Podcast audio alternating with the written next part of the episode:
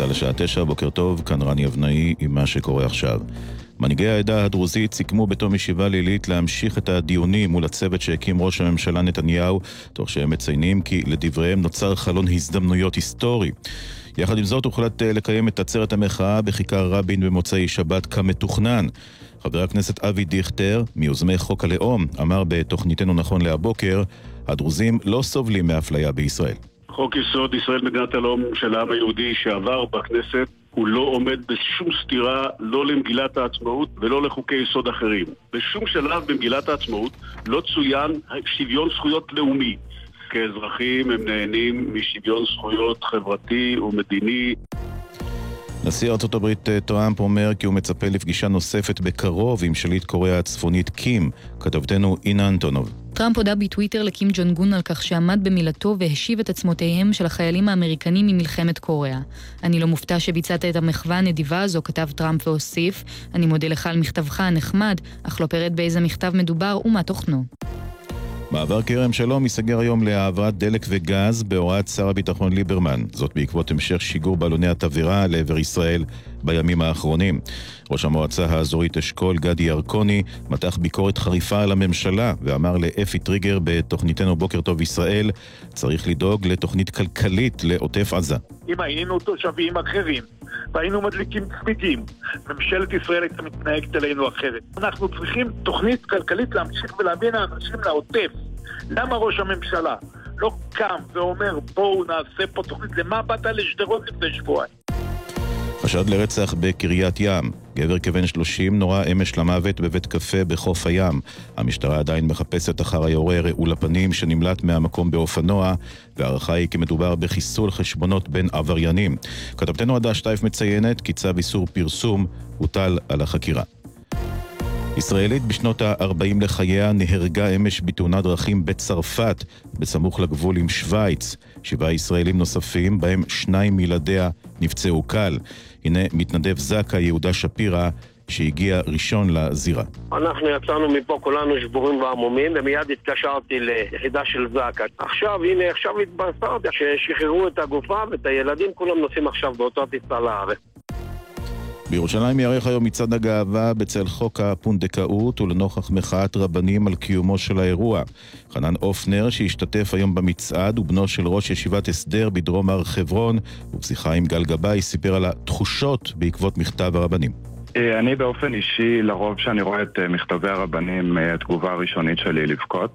אני נזכר בהרבה שנים שאפילו לא ידעתי להגיד על עצמי שאני הומו, אבל ידעתי שזה איזשהו משהו בתוך תוכי, ושמעתי רבנים מתבטאים ככה, ואני יודע כמה זה מוסיף אה, להכחשה ולאשמה, ולהמון חוויות לא נעימות בלשון המעטה. מזג האוויר לסיום, ירידה קלה בטמפרטורות שתהיינה נמוכות מהרגיל לעונה עם סיכוי לגשם מקומי קל, בעיקר בצפון הארץ ובמרכזה.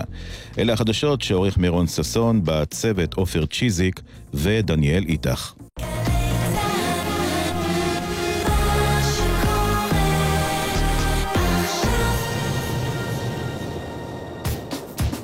אוגוסט 18, עולים על מדים. כאן סגן רבית שומרוני מגדוד נצח יהודה שבחטיבת כפיר. אני רוצה לברך את כל המתגייסים החדשים לחטיבה ולאחל להם בהצלחה. מחכה לכם שירות משמעותי, מחכים לכם בגדוד נצח יהודה. גלי צה"ל עם המתגייסים החדשים. בחסות יישומון פנגו, המציע שירות הפעלת חנייה, ובו תזכורת למניעת שכחת ילדים ברכב ממסך ההפעלה, גם בקיץ. פנגו. בחסות AIG, המעניקה חודשיים חינם למצטרפים לביטוח המקיף לרכב, ברכישת ביטוח מקיף וחובה. לפרטיהם 1-800-400-400, כפוף לתנאי החברה. עכשיו בגלי צה"ל, ירון דקל ועמית סגל.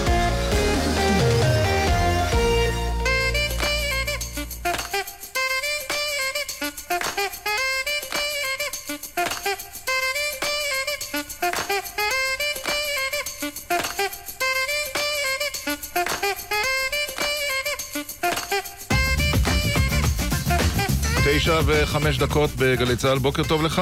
בוקר טוב ירון. מה שלומך? בסדר. חם? לא. לא נורא. הבוקר היה ממש קריר. קריר ונעים. כן. אמ, טוב. הגענו בכל ספר טלפונים אה, של עוספיא, דאלית אל כרמל, אני חושב שאין דרוזי אחד שלא התראיין פעמיים בשבוע האחרון. כן, כן. נכון. ובכל זאת, ובכל זאת אנחנו נעשה מאמץ, כי ראש הממשלה, גם הוא מתאמץ להיענות למחאה, להרגיע את הרוחות וגם לסרס את ההפגנה שתתקיים במוצאי שבת. בעדה הדרוזית, כמו שאנחנו יודעים, נחלקות הדעות האם לקבל את הצעתו של נתניהו לחקיקת אה, חוק הדרוזים. אה, אנחנו נפגיש כאן שניים שלא במיוחד מסכימים על המתווה. חוק הלאום, אה, ראינו בסקרים שהימין תומך ברוב כמעט קומוניסטי והשמאל מתנגד באותו רוב בדיוק. אז נדבר היום עם שניים. איש ימין, השר לשעבר משה ארנס שמתנגד לחוק, ואיש שמאל, השר לשעבר חיים רמון שדווקא תומך בו, כן. באופן די נלהב. מאוד מעניין מה שקורה בערוץ אה, 20, ארבעה חודשים אחרי שמהדורת החדשות עלתה לאוויר, מתוך ציפייה ניצחה שקהל את התאגיד, כן. קהל ימני ינהר, גם אם לא באוטובוסים, לצפות בה. הרייטינג אה, מדשדש בלשון המעטה, או צולל. על, לא- הפ... על הפנים בלשון יותר בוטה. נדבר גם על העניין הזה. מדברים הרבה על האנטישמיות באירופה, בעיקר אה, מצד ימין, אה, הונגריה, אוסטריה. אה, בשקט בשקט מתקרב לכס ראש הממשלה בבריטניה, ברחוב דאונינג 10 בלונדון, אחד המנהיגים היותר אנטי-ישראלים, כמעט אנטישמים, ג'רמי קורבין. במו ידיו הוא מונע קבלת הצהרה אנטישמי, נגד אנטישמיות, ואנחנו נדבר עם העיתונאי אנשיל פפר ועם דיפלומט ישראלי כדי לראות האם ישראל מתכוונת להחרים את הלייבור.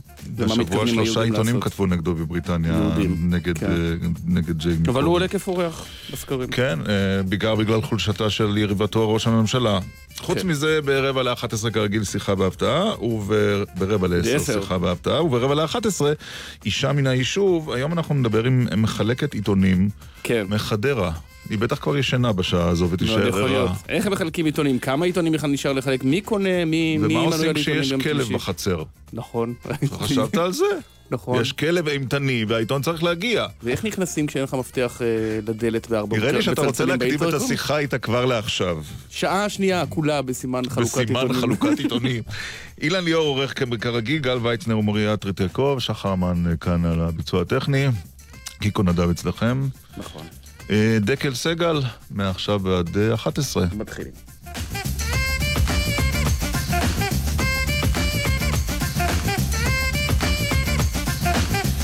שלום לחבר הכנסת אה, אכרם חסון מכולנו. בוקר טוב לכם ולכל המאזינים. אהבת את ההצעה של ראש הממשלה. אני מכבד אה, כל הצעה אה, שתהיה אמיתית עם רצון טוב לפתור את הבעיה ולתת לאזרח הדרוזי ולבן המיעוטים שירגיש שלא לא מקוטלג בדרגה 2 לא סוג ב' אלא הוא אזרח מן השורה שמקבל את הזכויות שלו אבל צריך לבדוק כל פסיק וכל נקודה שנכתבה שם והעורכי דין שלנו אני עתרתי לבג"ץ כפי אתם יודעים הם בודקים את הכל ואנחנו אמרנו שתוך יומיים נחזיר תשובה עניינית מה, זה עניין של משפטנים? זה מחלוקת פוליטית, מה, עורכי הדין יקבעו?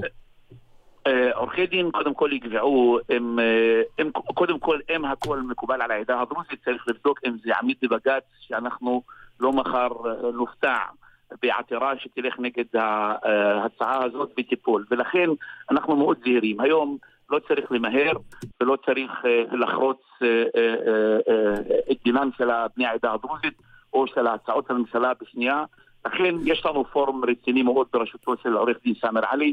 מתייעץ עם המשפטנים הכי טובים במדינת ישראל, ולראות שהמתווה הוא אמיתי ונכון, אבל- הוא גם נותן מענה, הוא נותן גם מענה בפועל לשוויון מלא לבני העדה. אבל חבר הכנסת, חבר הכנסת חסון, אני לתומי חשבתי, אולי השתנו הזמנים, שכשהמנהיג הרוחני של העדה אה, מביע תמיכה במתווה, אז כולם אה, עומדים דום ואומרים אה, אמן. אנחנו מכבדים אה, ומעריכים מאוד את המנהיג הרוחני השייח' מואפק טריף והוא אדם עם כוונות טובות, והוא אדם שמשקיע הרבה כדי לפתור את הבעיה אבל אנחנו במדינת ישראל, מדינת חוק, מדינה שצריכה לבדוק אה, כל דבר לגופו של עניין, יש משפטנים, יש גם ראשי מועצות, יש קצינים. אה, אבל אתה אומר דבר מאוד מעניין, אתה אומר דבר מאוד מעניין, חבר הכנסת חסון. אני זוכר ימים לפני 20 שנה, 30 שנה, לא זוכר מתי זה היה עם, אה, עם הסבא של המנהיג הנוכחי, שזה היה אחרת לגמרי. מתי בדיוק נסדקה המנהיגות של, אה, של השייח' טריף? אה, המנהיגות של שייח' אמי, של, של הנכד. של מואפק טריף, לא נזדקה אף פעם. אבל בעבר היה לנו מנהיגים כמו בן גוריון, והיה לנו מנהיגים כמו ז'בוטינסקי וכמו בגין וכמו רבין, ולכן מילה הייתה מילה. היום הפוליטיקה במדינת ישראל השתנתה. יש קיצוניות, כל שני וחמישי יש חוק מפלה וחוק חדש. יש כאלה שמנסים לעשות פריימריז על גבם של העדה הדרוזית. כן, אבל מה שאתה אומר שהאמירה של המנהיג הרוחני היא המלצה. היא. המלצה לא מחייבת כזו. לא המלצה שלא מכובדת ואחראית ולוקחים אותה אבל היא אה, המלצה. באחריות מלאה, אבל לצידו אנחנו עובדים, לצידו אנחנו הפוליטיקאים שנבחרנו ולצידו יש משפטנים טובים מאוד. הוא לא אדם שמעורה בכל פסיק. ובכל דבר, ולכן צריך לבדוק אותו משפטית. אם המשפטנים וראשי המועצות וכולם יגידו שהמתווה הזה עונה על דרישות העדה הדרוזית, יפה. אז השייח' מוופק הוא ייתן הברכא הראשונה ואנחנו נלך אחריו. כל הכבוד. עכשיו, עכשיו אה, חבר הכנסת חסון, שאלה.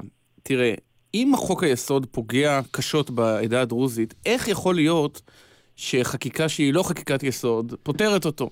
ואם חקיקה אה, רגילה ותקציבים פותרים את זה, אולי יכול להיות שהזעקות נגד החוק היו קצת מוגזמות מדי.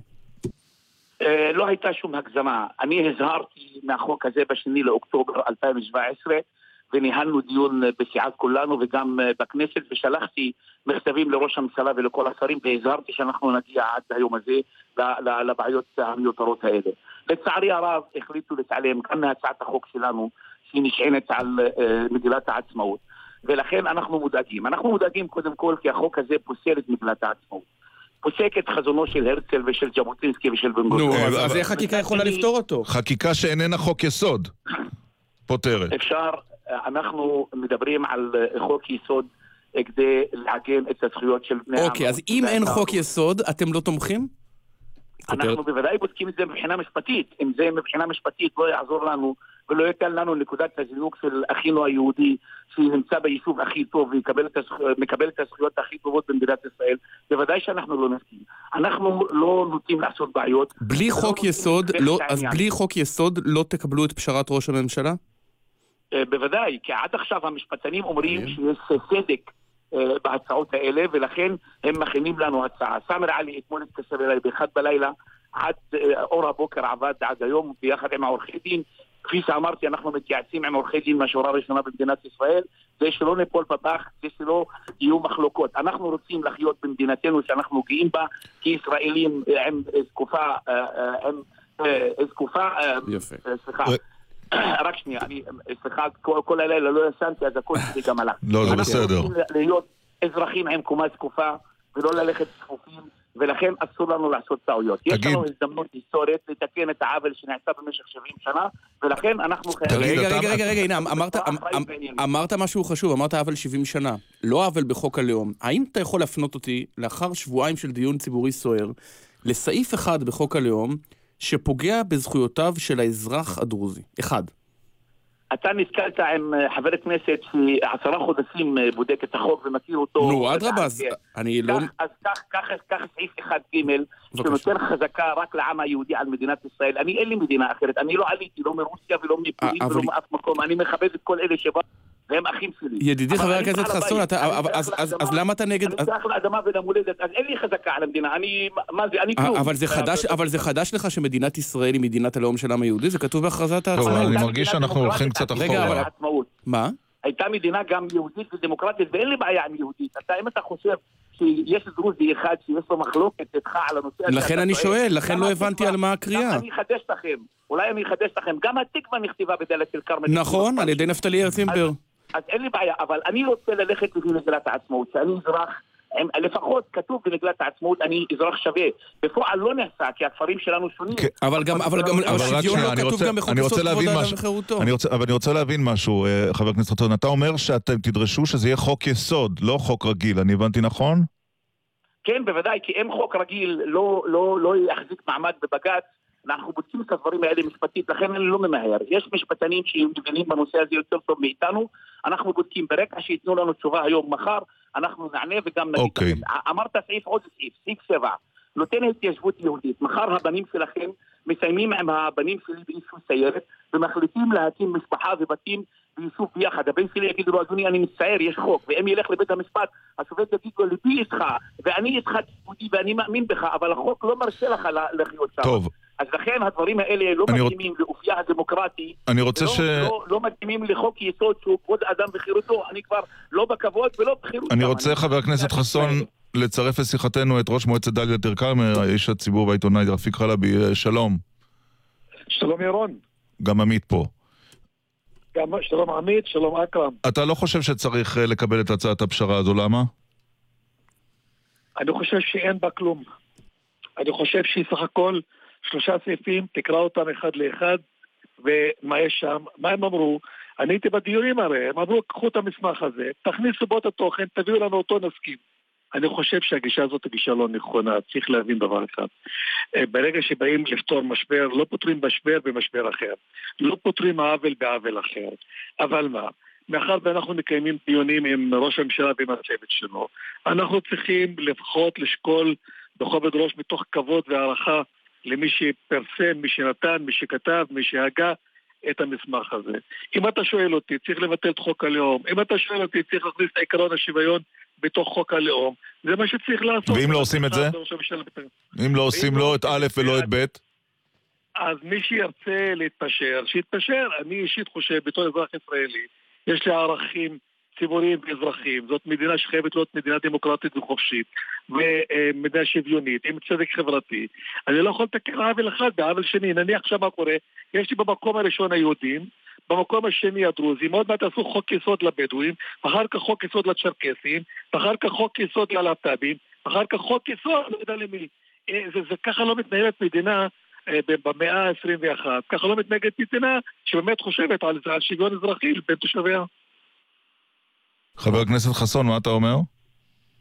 אני אמרתי את דעתי בצורה מאוד uh, גלויה. אם יהיה חוק יסוד שייתן זכויות uh, לכלל האזרחים uh, במדינת ישראל, וזאת תהיה חקיקה באמת מספר 13, נדמה לי יש לנו 12 או 13 חוקי יסוד, אז אני אסכים, אבל בתנאי שזה ייתן פתרון מלא ושווה לכל אזרחי ישראל, כפי שאמרה מגילת העצמאות. אני תומך במגילת העצמאות, ולכן כשהלכתי לבג"ץ אני הלכתי על פי uh, הכלל הזה, שחזונו של הרצל היה ברור והוא היה מכובד להקמת uh, מדינת היהודים, מכובד לעם היהודי, ואמרתי, הלכתי okay. אוקיי. בבית המשפט העליון היא למען כבודה של מדינת ישראל והעם היהודי. עכשיו, אני חייב... כן, רפיק. תשמע, אני אגיד את זה גם לך וגם לחבר הכנסת תקרם חסון. סעיף שלוש במרכבי המתווה אומר ככה, עיגון בחוק יסוד להכרה בתרומתם של אלו הנוטלים חלק בהגנת המדינה. נו. תגיד לי, מה, מה זה? זה פשוט מצחיק. מה, מה זה להכרה בתרומתם? אנחנו נותנים בתרומה? בדיוק. אנחנו נותנים המדינה שחלה עלינו חובות, ויש לנו זכויות. מה זה לא תרומה רפיק, שלנו? רפיק, בדיוק, בדיוק זאת הנקודה אולי של כל המחאה. נשים שנייה את הדיון הסוער על חוק הלאום בצד, הרי לא, אף צד לא ישכנע את השני. האם אתם לא מרגישים שבשבועיים האחרונים אה, נעשה בכם שימוש, שההתנגדות של הקהילה הדרוזית הוא עצמה כדי לשרת צד אחד, ואגב, זה גם עובד מהצד השני, שהימין מוצא במרכאות את הדרוזי שלו.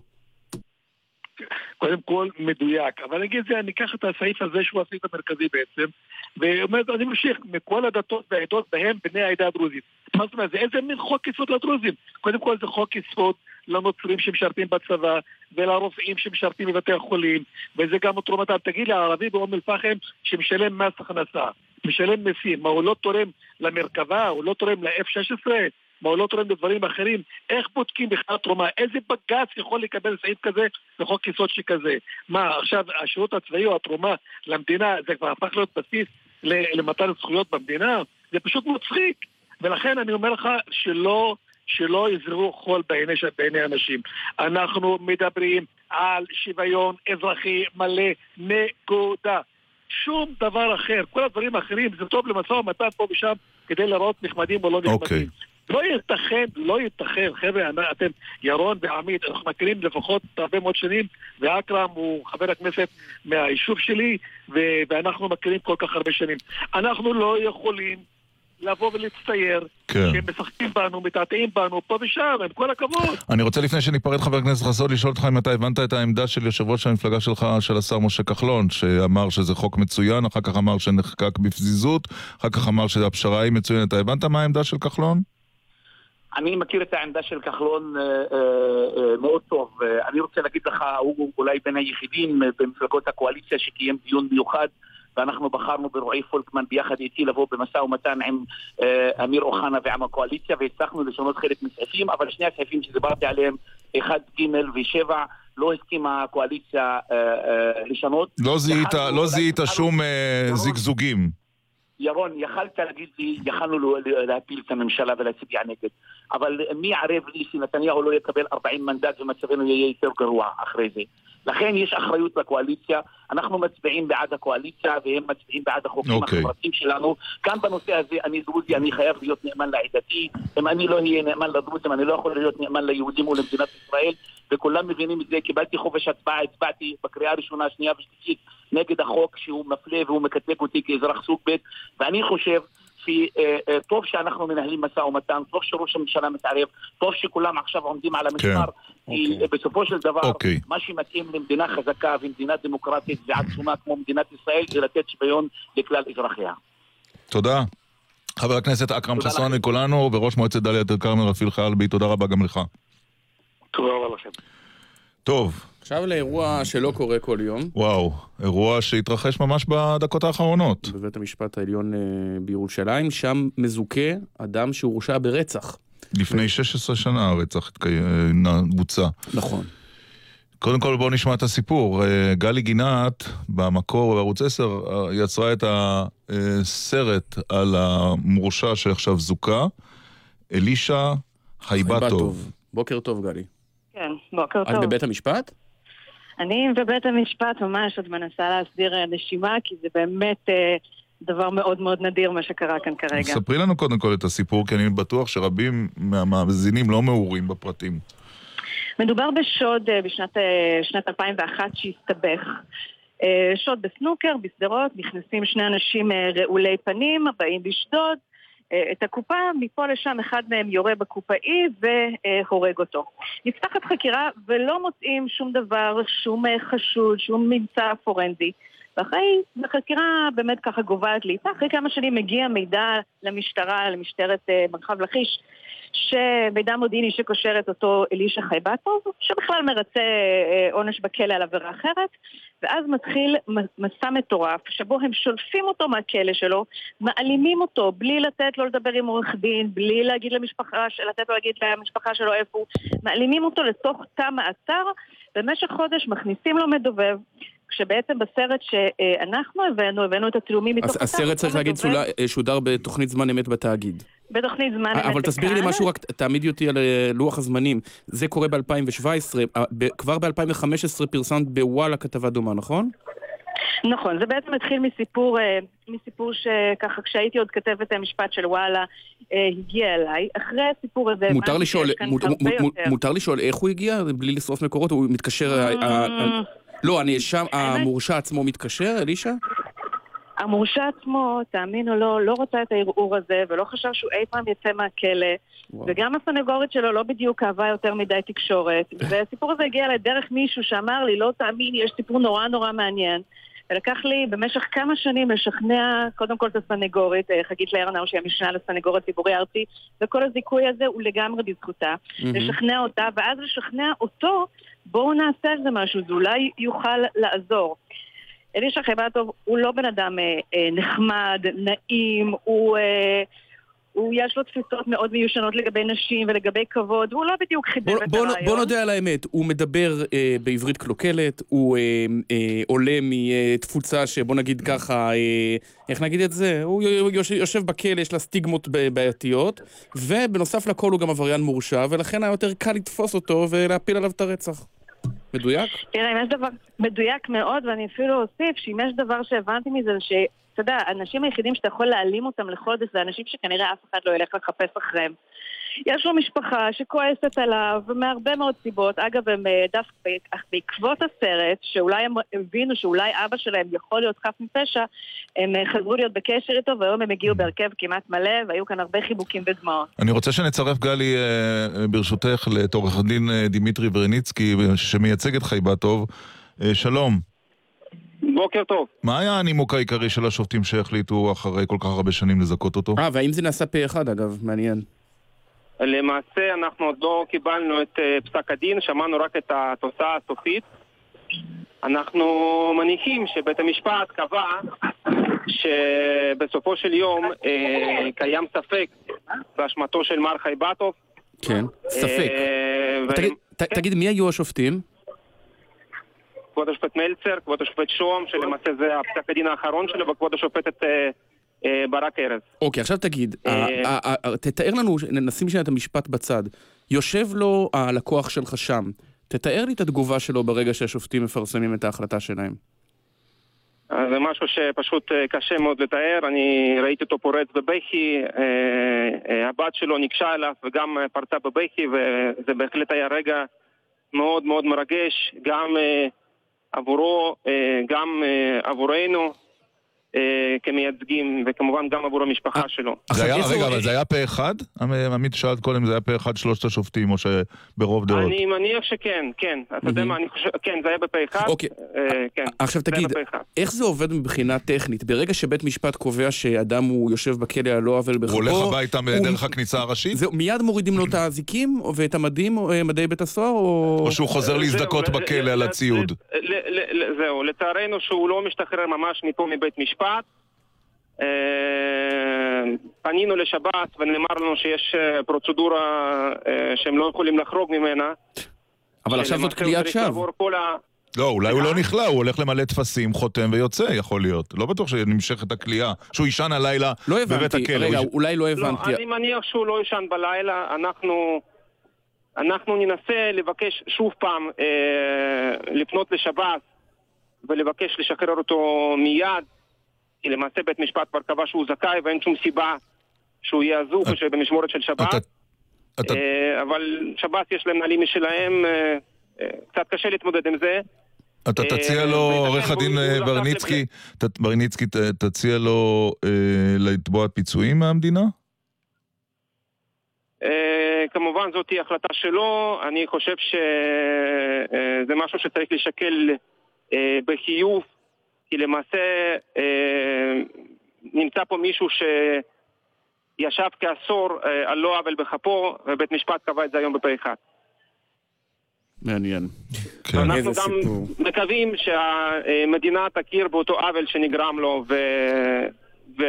ת- תגיד עכשיו ו- אגב, שאלה- המילה, המילה, על המילה לא עוול בכפו, כשמדובר בזיכוי מחמת הספק, לא, למרות שאנחנו לא יודעים את ה... אבל, נכון, אבל אם זה בזיכוי מחמת לא הספק, אז זה... אני אומר- אני אומר את זה בזהירות, כי אנחנו עוד לא קיבלנו את, אה, את אה, פסק הדין אה, כולו, למעשה רק קיבלנו את התוצאה, את השורה התחתונה. אני חושב שנהיה יותר חכמים כשנקרא את פסק הדין ונשמע את. הנימוקים, אבל חשוב להבין למעשה. שאנחנו מתחילתו של תיק זה אה, טענו אה, בכל מקום אפשרי אה, שהחקירה בתיק זה נעשתה תוך אה, אה, פגיעה מאוד מאוד חמורה בזכויותיו של אה, מר חייבטוב, אשר למעשה נתלש מאותו מקום שבו הוא היה והוכנס לתא קטן עם מדובב, שם הוא שהה במשך חמישה שבועות, בניתוק כן. מוחלט מ- מהמשפחה, אה, מבלי שהיה לו ציוד בסיסי, אפילו בגדים. להחלפה, אה, טלפונים שלהם הוא היה זכאי בהיותו אסיר אה, בתיק קודם, ונעשו עליו אין ספור מניפולציות על ידי המדובב. ולמעשה המערכת הפעילה עליו לחץ עצום, עצום. כן. אה, לא- להודות עד שבאמת הוא הודה, וגם ההודעה הזאת הייתה קצת, אה, נגיד את זה בעדינות, אה, תמוהה ו- ומבולבלת עם אותו מדובב מפוקפק. אנחנו, אנחנו קראנו לזה פירורי הודעה. כן. אה, שאלה, אחרונה רק, אה, עורך דין ויניצקי, גם זה מופנה אלייך גלי.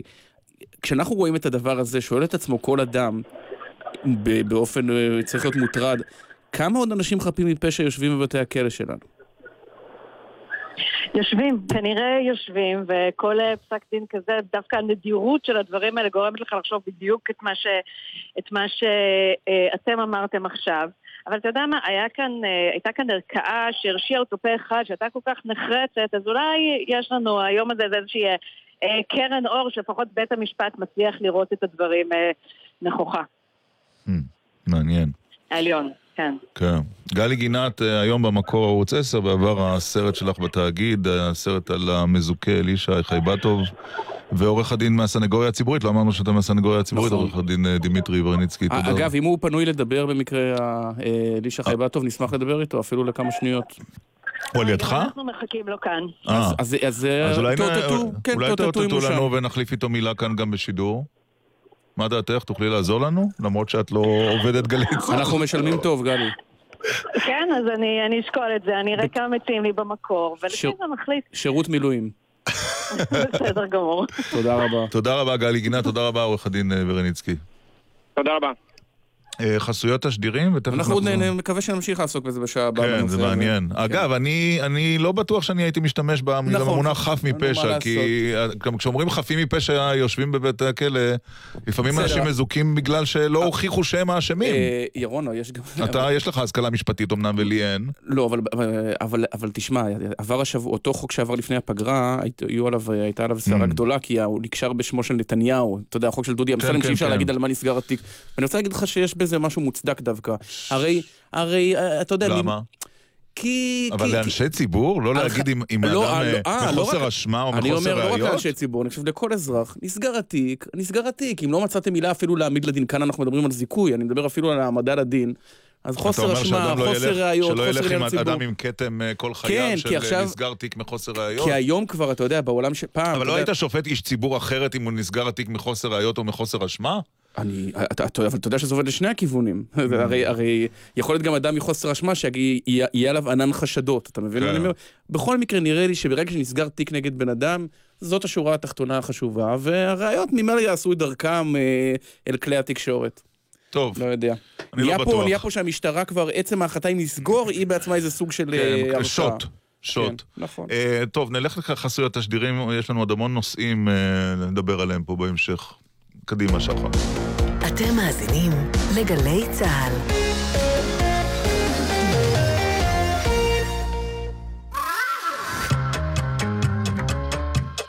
דקה ישראלית. השבוע החינוכית. והפעם לומדים אנגלית. תוכניות לימוד האנגלית של הטלוויזיה החינוכית הפכו לתוכניות פולחן בזכות שירים קליטים ותסריטים דרמטיים, אבל לא תמיד הן היו כה צבעוניות. בראשית דרכן נבנו התוכניות הללו כמעין שיעור מצולם בשחור לבן, מבנה שהעניק להן את הכינוי תוכניות הגיר והדיבור. אבל בשנות ה-70, בהשפעת תוכניות אמריקניות כמו רחוב סומסום, החליטו יוצרים אחדים לנסות ולהקנות לתוכניות האנגלית אופי לימודי פחות, ולעטוף את החינוך בבידור.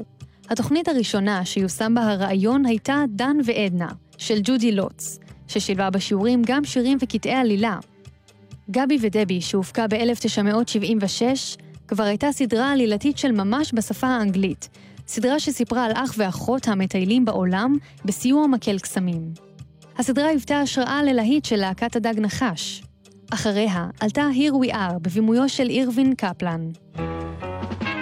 Here we are in the center of town. Look, everybody's here again. הסדרה, שהתרחשה תחילה בתל אביב, שונתה, על מנת לאפשר לילדים מכל הארץ לחוש שזה מרכז העיר שלהם. זו הייתה דקה ישראלית על החינוכית ולומדים אנגלית.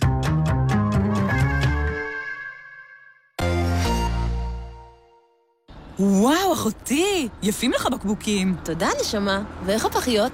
מחזירים לרשתות המזון ולמרכולים פחיות משקה, בקבוקי יין ובירה ובקבוקי משקה קטנים מפלסטיק, ומקבלים חזרה דמי פיקדון של 30 אגורות ליחידה. יפה לכם. תאגיד המחזור אלה, בהתאם לחוק הפיקדון. תראה, כידוע לך, החברה כרגע בצמצומים, אין לנו ברירה, אנחנו... לא רק פיטורים. כל אירוע חשוב בחיים הוא סיבה טובה לפנות לביטוח הלאומי, לברר אם אתם זכאים לתשלום. התקשרו ישירות לכוכבית 6050. שימו לב, תוכלו להגיש בקשה לדמי אבטלה גם באתר הביטוח הלאומי. מימוש זכויותיכם באופן ישיר ימנע מכם תשלום עמלות לגופים אחרים. ביטוח לאומי לצדך, ברגעים החשובים של החיים.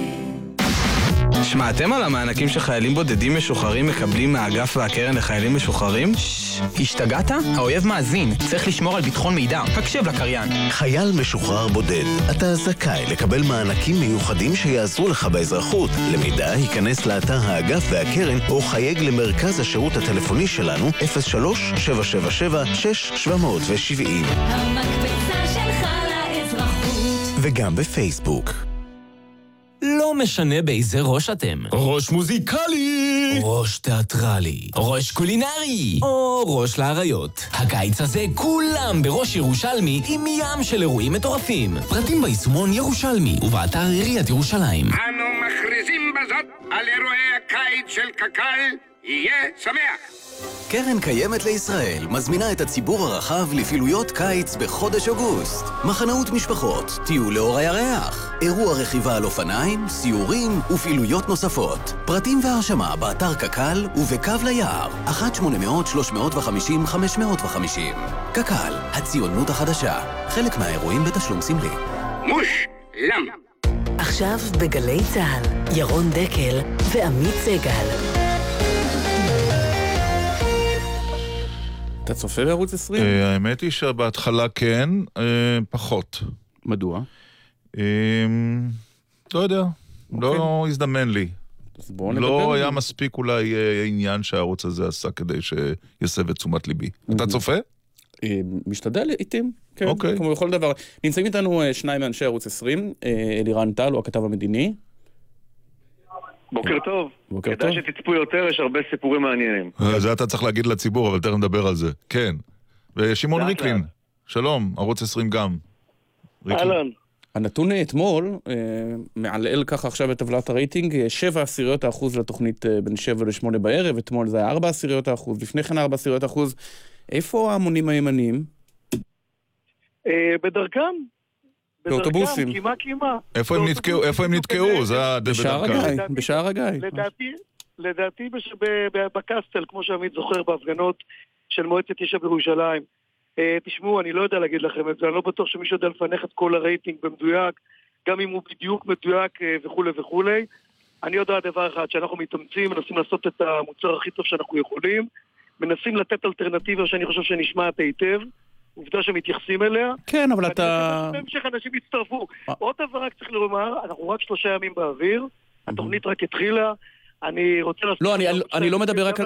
אני לא מדבר רק על התוכנית, אני מדבר גם על מהדורת החדשות שעשינו הרי אייטם בזמנו לפני חודשיים כשהיא עלתה ועברה במשך שבוע שלם את התאגיד. זאת אומרת, זה היה המודעות... שבוע אחד. זאת אומרת, המודעות היא- נמצאת שם וגם הצמא נמצא שם. אז האם יכול להיות שהכישלון... הפוטנציאל- הפוטנציאל הוא הוא עצום, עמית. נו, אז אלירן, אלירן, למה הוא לא ממומש? אלירן, זו השאלה. אז זה בדיוק מה שאנחנו שואלים. הרי עמדות אה, הציבור איתכם. בוודאי יותר עם אה, ערוצים אחרים נטייה שמאלה. והמודעות גם קיימת כראיה שניצחם את התאגיד. האם יכול להיות שהכישלון הוא נובע מסיבות מקצועיות? זה תשמע, פשוט לא מספיק מעניין. אני לא חושב, כי יש, יש מהדורה שהיא טובה, היא איכותית, היא מביאה סיפורים בלעדיים וסיפורים טובים ערב-ערב. גם רבים מהסיפורים האלה זוכים לפולו-אפים בכלי תקשורת אחרים, ואנחנו מקבלים פידבקים עצומים גם ברשתות החברתיות, וחשוב להבין שנתוני הרייטינג האלה, אני מתייחס אליהם בספקנות. למה? היום אנשים לא מדליקים בשמונה בערב את הטלוויזיה כמו פעם וצופים בחדשות, יש להם הרגלי צפייה, האזנה וחשיפה אחרים. אבל שוק התקשורת כולו ושוק הפרסום.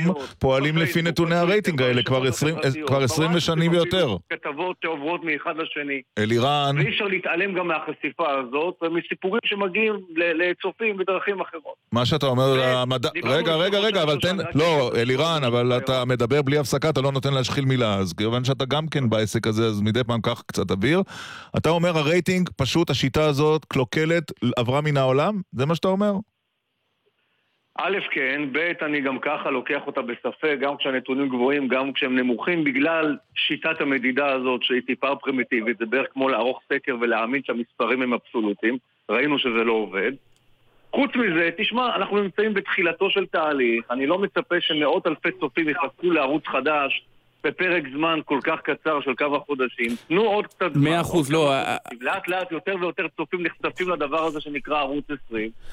ואני מאמין שאם נדבר בעוד חצי שנה, שנה, התוצאה תהיה אחרת. אני רוצה להציע לכם- אולי- אולי- מיליונים לשלטי חוצות. אני רוצה להציע לך, אני רוצה להציע לכם, אבל... אה, עמית, עמית, תן לי לה- תן לי להציע לכם הצעה. תראו, אתה יודע היטב, עמית, וגם אתה, ירון, שהרבה פעמים זהות מגיש החדשות, אם זה יונית או מישהו אחר, לא ממש משנה לרייטינג, לפעמים באופן אבסורדי, דווקא מגיש עלום, פתאום הוא יכול להביא רייטינג יותר ממגיש שהוא מקצוען והוא נחשב, מהמם. כמו שדיברנו מקודם על השיטה הידועה.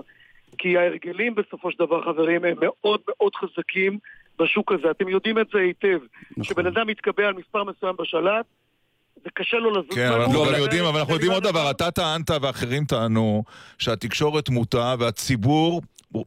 כמה, כמה, צמא למשהו אחר, והנה פתאום... אגב, גם הצמא ניכר, הצמא ניכר בשבוע הראשון. מכלום, בלי הרגלים, בלי שום דבר, בלי כמעט קידום, 4 אחוז, 3 אחוז, 4 וחצי. אבל איפה הצמא הזה היום? אז בואו, אני אנסה לתת לכם את זה ביושר, אז חלק מהצופים באמת... רגע, עד עכשיו זה היה חוסר יושר? היה חוסר יושר יחסי. לפרקים, לפרקים. לפרקים, בדיוק, אתה מכיר את זה היטב, עמית. כמו כל כתב. בדיוק, כן. אנשים הסתקרנו, אנשים הסתקרנו, ירון, שנייה, נו. אנשים הסתקרנו, הם באו והתעניינו, אבל אז ההרגל, הם רגילים כל הזמן לשמוע את רוני דניאל וגם את עמית, או את ירון בזמנו וכולי וכולי. כן. ופתאום צץ להם אלירן טל, שהוא מצוין, או מישהו אחר, או נועם אמיר, שבעיניי הם כתבים... אני יכול להציע לך הסבר חלופי? הסבר חלופי, אל, אל תתעצבנו, כי זה לא דיון על ימין ושמאל, הרי ברור שזה לא זה, זה לא מוכיח בניגוד לחלק מהטענות. מה, רצית להציע שהאג'נדה היא לא, לפני העיתונות? ב, רציתי להגיד את הדבר הבא, שאנשים שבאים לראות חדשות, נכון שהאגף אה, הימני של החברה הישראלית רוצה לראות ביטויים אחרים, אולי סדר יום אחר, אבל הוא רוצה את זה כשהמצע הוא מצע של חדשות. ולא ולמעט... רק לשמוע היידה ביבי כל הזמן. לא, לא רק היידה ביבי, בעיקר... אני ה... לא חושב שהחדשות לא, לא, לא, אני לא מדבר על היידה ביבי בכלל, אני מדבר... תכף נגיע להיידה ביבי, אל תדאג. כמו שאמר, כמו שאמר בנימין אוקיי. נתניהו, אדם שאתה מכיר היטב, יכול להיות שהאיש הרזה של החדשות נושא על גבו במהדורה שלכם את האיש המאוד מאוד מאוד שמן של הפרשנות, ושל האג'נדה, ושל הדעות? אה, אני יכול להסכים שחסר כוח אדם. חסר כתב... פרשנות זה זול, דיבורים זה זול, כתבות, תחקירים. אה, מידע, מידע, בסוף זה מגיע למידע. התקציב הוא בינתיים, התקציב בינתיים דל, ואיתו אנחנו מנסים לעשות את המקסימום, ולדעתי מצליחים. ככל שיצטרפו עוד צופים, וכבר עכשיו אנחנו מרחיבים את לוח השידורים, החל משש ורבע עד 11 וחצי בלילה. יצטרפו עוד אנשים, אני מאמין שגם יהיה יותר תקציבים ונוכל לעשות יותר דברים. עכשיו, לגבי האג'נדה, אני רוצה לשאול... כן. בבקשה. אני רציתי פשוט לשאול אם האג'נדה לעיתים לא מכתיבה גם את העיתונות. לדוגמה, ונכתב על זה כבר לא מעט, הייתה הפגנה של 30, 40, 50, 60 אלף, עשרות אלפים. בסוף, אצלכם, גם אם אתם לא תומכים בה, הסיקור היה של 40 שניות. השאלה אם האג'נדה לא קודמת לסיקור העיתונאי בסופו של דבר. ריקלין, בבקשה. בבקשה, תראה, קודם כל, כזו שאלה לא היית שואל את הערוצים האחרים, שבאותו יום התקיימה עצרת לא פחות גדולה במקומות אחרים בארץ, זה היה תשעה באב. הערוצים האחרים התעלמו מהם בעיניי בצורה מבישה. חגי סגל כתב יפה שהתקשורת הפכה להיות מתקשורת מדווחת לתקשורת... אבל, אבל השאלה אם הפתרון, אבל, זאת, אבל זה מגיע לשאלה יסודית יותר, והיא האם הפתרון, אני חושב שזו שאלה שמרחפת מעל כל uh, ערוץ 20, האם הפת, אתה מתקן משהו בגרימת עוול מקביל, או לא, שאתה מתקן לא, בהצ... אתה יודע מה? באופן אמיתי זה כסף. תראו, בסופו של דבר יש פה עניין של השקעה וזה כספי כסף. אלירן דייק את זה נכון. אם תיקחו את התקציב של ערוץ 2 או ערוץ 10 לעומת התקציב... אין ספק, אין מה להשוות בכלל. חברים, אנחנו עובדים, אתם, אתם צריכים לראות מה אנשים בערוץ עושים.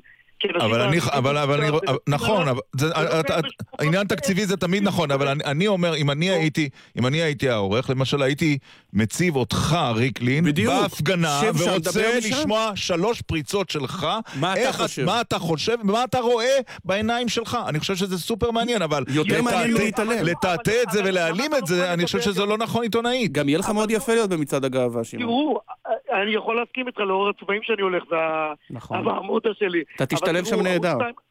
אני בטוח, ערוץ 2 מצליח יפה מאוד והוא יתעלם, או ערוץ 10, יתעלמו מדבר של מיליוני אנשים שצמו בתשעה באב. כן, אבל זה לא חדשות. צמים בתשעה באב, ריקלין, זה לא חדשות, והפגנה נגד חוק זה כן חדשות. בואו נעשה, בתור עורך... אנחנו חלוקים. בסדר, צמים בתשעה באב פחות חדשות, והפגנה נגד הממשלה זה כן חדשות. זה אג'נדה, ירון, בסוף זה אג'נדה, בסופו של דבר. אנשים שבאים לכותל המערבי וצמים באותו יום, על חורבן בית המקדש אחרי אלפיים שנה, בעיניי זה סיפור אני אציע לכם גם פתרון, אני אציע לכם גם פתרון אחר שהוא לא קשור למקצועיות. אלירן, תתייחס אליו גם. עמית הביא פה רעיון, אולי כדאי שריקלין ידווח הערב ממצעד הגאווה בירושלים. ומהפגנת הדרוזים. עכשיו, שאלה אחרונה. כתב, אני לא זוכר מי, בידיעות אחרונות, העלו עוד אפשרות, והיא שבעולם שבהדרגה עובר לטלוויזיות גדולות ול-HD, 4K, ה- גם איכות השידור היא דבר מאוד משמעותי. וגם האולפן נראה קצת אה, פחות זו- זו- אה, זאת זוהר. אומרת, אנשים מגיעים והם הם מקבלים מוצר שהוא מבחינה טכנולוגית, טכ- לא- טלוויזיונית בלי קשר נטו. לתוכן. לא, אפילו אם זה במיוט. בעיניי זה טיעון- שולי, אני אגיד לכם למה, באמת, התוכנית שלנו, סגל וריקלין, כל יום בין 7 ל-8, הנה אמרתי את זה, אני חושב שהאולפן נראה מדהים, אוקיי, המוצר בעיניי לא רע בכלל, אם היינו בשעה אחרת, או אם היינו בערוץ 2, אני משוכנע שהרייטינג היה שונה לחלוטין. אוקיי. זה לא בגלל ה-HD, ואולי או זה קשור. אולי זה קשור להרכב, אולי בעלי הערוץ הם אה, חרד"לים, והפוקס ניוז הצליח בארצות הברית מסיבה מאוד פשוטה.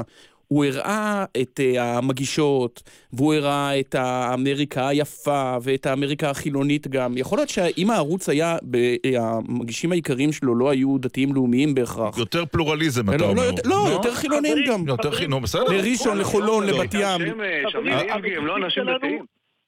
חברים, המגישים שלנו כולם מייצגים את ארץ ישראל הכי בצורה ברורה. איבגי, ליטל שמש, דנה סומברג, אף אחד מהם לא דתי, הם כולם אנשים של עם ישראל. אני לא חושב שיהיה בעיה... אתה לא חושב שזה... טוב, אני לפני ש... השפיע על ה... כשאתה מסתכל על המוצר, אתה לא רואה שיעור בגמרא, או אנשים עם פאות מתפלפלים באיזה... לפני שאנחנו נפרדים, אני מוכרח, אה, ריקלין, את ההתייחסות שלך לדברים שהראל סגל ואתה אמרתם לדוד ורטהיים באתר וואלה, אה, על- נכון. על כך שנתניהו הוא שליחו של האל. הנה כן, הקטע. רגע, זה. רגע, הנה, בוא נשמע לטובת מי שלא שמע. אני רואה איך מקבלים את ראש ממשלת ישראל בצורה בלתי אמצעית, וכשנשיא סין אומר לראש ממשלת ישראל, אתה אחד מחמשת המנהיגים הכי גדולים בעולם, בעיניי הכל פעולת הסחה, ואני אגיד לך בצורה בוטה, שעוד הייתי לפני זה, כשהוא דיבר שהיינו חברים, אני אמרתי להם פעם, נתניהו הוא שליח השם. הנה, אני אומר את זה ככה. גם אני הוא חושב שליח ככה. השם בעולם. אוקיי. בהמשך לדיון שלנו על דתי או לא דתי, כן. כן, אז אה, אני חושב שמי שטיפה מבין ביהדות אה, מבין שיש משפט שנקרא כי יפתח בדורו כשמואל בדורו. אוי נו, אז מי שמנהיג- מי שמנהיג את עם ישראל, חברים. לא מי שמנהיג את עם. ישראל, אז גם על אהוד, זאת אומרת, אתה אומר רק במקרה. רק במקרה לא מצאנו בארכיון על- שרון כן. בהתנתקות שהוא שליח השם. רק לא במקרה. זה נורא. סתימת פיות, כן. מי שמנהיג את עם ישראל ומעלה את קרנה, ומי שהסתובב עם ראש ממשלת ישראל בשנתיים האחרונות, וראה איך ראש ממשלת ישראל מתקבל בעולם, מי שרואה תנופת הפיתוח המדהימה שקורית פה, לא יכול שלא להבין. אגב, גם רב- גם- גם- בדורו- גם רבין התקבל בעולם אחרי אוסלו, כמו, אתה יודע, כמו ש- כמו שנתניהו מתקבל גם היום. פרס, גם פרס. כן, נכון. למנהיג עם ישראל, ירון, למנהיג עם ישראל בעיניי, יש מעמד כמעט הלכתי, בהחלט. היית אומר את זה גם על אולמרט? על רבין. יכול- להיות שלא. יכול להיות שלא. אוקיי. אבל כשאתה רואה את נתניהו, חברים, זאת האמת, אבל כשאתה רואה את נתניהו, אתה מסתכל על השורה של הכוכבים שמסתדרים. חברים, זה העשור הכי טוב בתולדות עם ישראל לדורותיו. טוב, נעצור? בזה. אני חושב שמיצינו. נעצור. לא, אמ, דווקא רק לו, אבל כשמגיעים לאמת, אתה מבין? בדיוק. לא, יש שיחה בהפתעה, יש שיחה בהפתעה יש לנו פשוט. שיחה בהפתעה פשוט בזמן הזה, זה. הכל. אין לזה קשר אוקיי. לנתניהו. לשם, אנחנו חושבים שאין לזה קשר. אה, שמעון ריקלין, לירן לירן טל, ערוץ ערוץ 20. 20, היה מעניין תודה רבה. לשוחח איתכם. ביי, להתראות. תודה, יום טוב. להתראות. דיון טוב. מאוד מעניין. לדעתי, אגב, זה באמת נוגע ל... אני חושב שיש כאן בגלל. לא, אני חושב שיש כאן אה, כמה סיבות שהן ערוץ מצטרפות. של 100 מיליון שקל היה מביא פה רייטינג. אה, כן, פגז. חד משמעית. אבל יהיה מעניין לראות את ריקלין מצעד הגאווה היום, אם יאמצו את הצעתנו. נכון, אני מעביר לערוץ 20 הערב. טוב, טוב. אה, שלום לך, לך, לכם. שלום, שלום. מה. נשמע? ברוך השם. למה אתה לוחש? אוי נו, באמת. מה באמת? אתה לא זיהית? אני? הוא מה, הוא אמר ברוך השם. הוא הוזכר בתוכנית. נכון? הוזכרת בתוכנית. לפני שאתה... מה, חיים רמון וארנס הוזכרו בתוכנית? לא. ביבי הוזכר. ריקלין- הזכיר אותך, לא? את האל.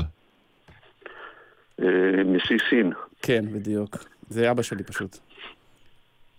אה? כן? מה אתה אומר? מה, חגי סגל? אה, כן. אני לא חושב... שיש את התוכנית. נדמה לי שהטלתי וטו על האירוע הזה. וזה- אוקיי. אמרו לי- אה, אמרו לי בדיוק ההפך בהפקה, אז חרדתי שזה גם חשבון. טוב, אז אה, מה מה אוקיי. הפלא שאתה זיהית אותו? טוב, אז תן לי להתחיל את ה... קודם כל. בשאלה הבאה, שאתה, שאתה, על הדברים שאתה כתבת על התקשורת שהתגייסה בכל כולה. שבוע הבא אתם מעלים גם את המשפחה של ירון? לא. אוקיי, בסדר. אף אחד כאן לא עורך... חגי סגל עורך מקור ראשון. כתבת טור שלם בגיליון האחרון נגד, ה... נגד התקשורת.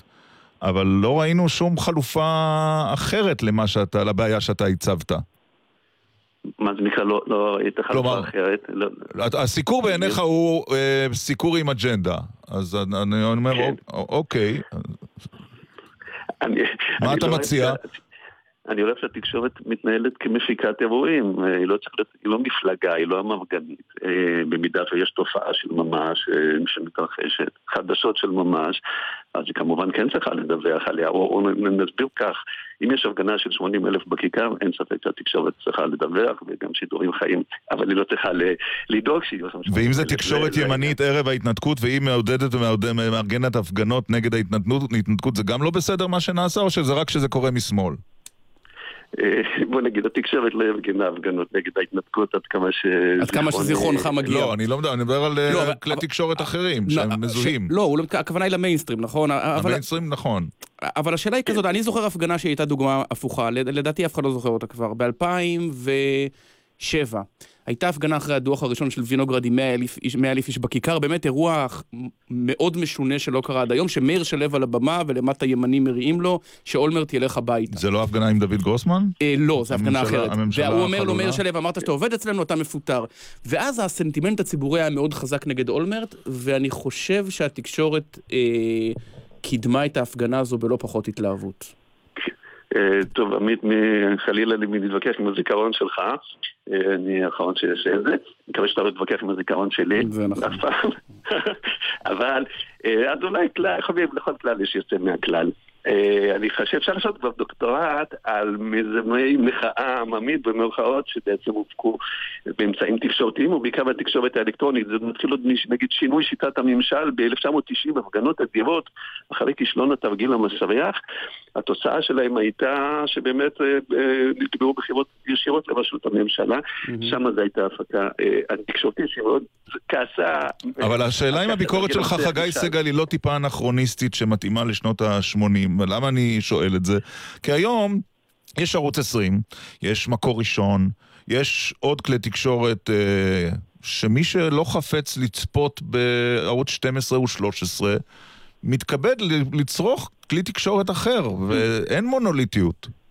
תשמע, אתה, אתה, ממש צודק. אותי זה מביך בכל פעם שאני מקטר אה, היום על התקשורת. אה, ובכל זאת אתה ממשיך ב- בנחישות. לא, כי, כי, באמת, אתה יודע, אני הרגשתי שמה שקורה פה בשבועיים שלושה האחרונים, זה, זה אה, פוסט טראומה שפותחים לי פצעים אה, חדשים. חשבתי באמת שהתקשורת כבר נמצאת במקום אחר, והנה מתברר לי שלא.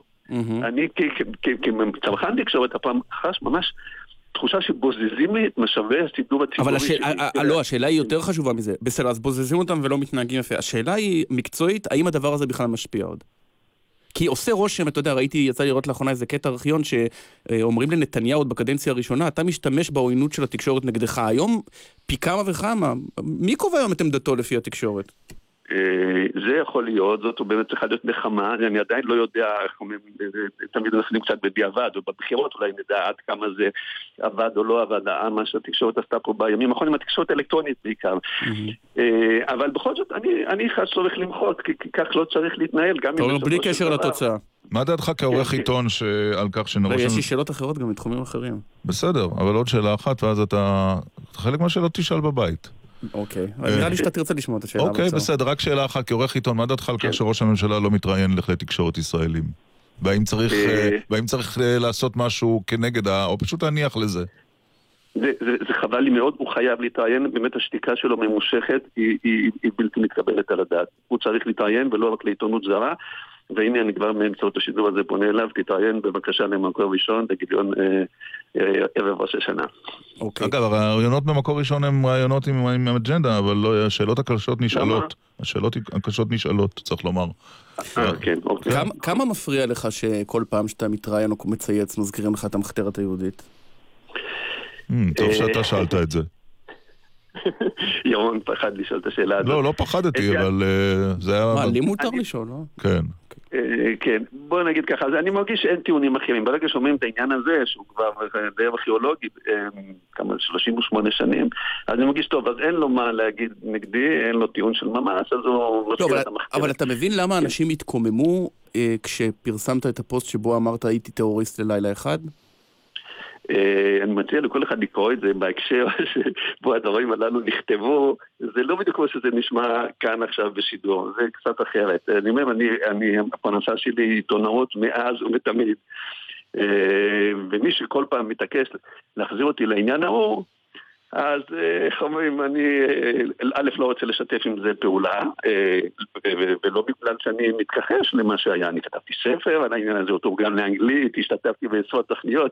עכשיו שודרה סדרה שוב כן, על המחתרת. צפית בה, ומה חשבת? פה אני כבר לא השתתפתי, כי אמרתי, אין לי משהו לחדש בנושא הזה, וגם, אתה יודע, מבחינה...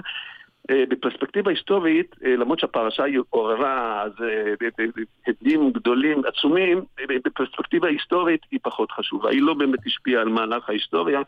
אז אפשר להניח לה, אני כך נראה. אבל היא כן איזשהו לא, פצע, פצע בחיים הלאומיים של מדינת ישראל. אתה מבין, למה, אתה מבין למה אנשים יכולים להגיד, רגע, אם זה היה מישהו מתחום אחר, לא היו נותנים לו... לא היו עושים לו הנחות. נניח. או שלא נכון. אה, בוא נגיד, אני זוכר גם יושב ראש כנסת, אה, דב שילנסקי, שישב בכלא בצעירותו על... אה, או רב ראשי, מרדכי אליהו. כן, שהוא התמיד במשרד החוץ.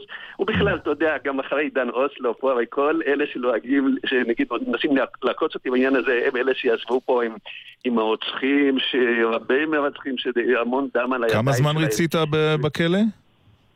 אני ישבתי בכלא שנתיים. שנתיים? טוב. זה עדיין יושב עליך 38 שנים אחרי? זה משהו שהוא חלק מהווייתך, או שכמו שאמרת, היה לא, חלף... לא, לא, לא האירוע דווקא בהכרח, הכלא. לשבת כן. שם. גם האירוע. אני חייב להגיד שאני זוכר את זה עד היום. טוב, אני אראיין אותך אחר כך. תראיין אותי אחר כך, בבקשה. כן. בוא נגיד, אה, הכלא כשלעצמו, אני לא זוכר אותו כתקופה נורא ואיומה, אני כתבתי ספר, למדתי והרחבתי את השכלתי, אה, זה לא חוויה מומלצת, אבל אם כבר נגזר על מישהו לעשות את זה... אבל האירוע עצמו יושב עליך, הוא מעיק באיזושהי צורה או שממש לא? זה לא משהו שאני חוזר אליו כל יום, אבל אה, לא, לא, לא שוכח אותו ולא מדחיק אותו ולא מתכחש לו. Mm. כן.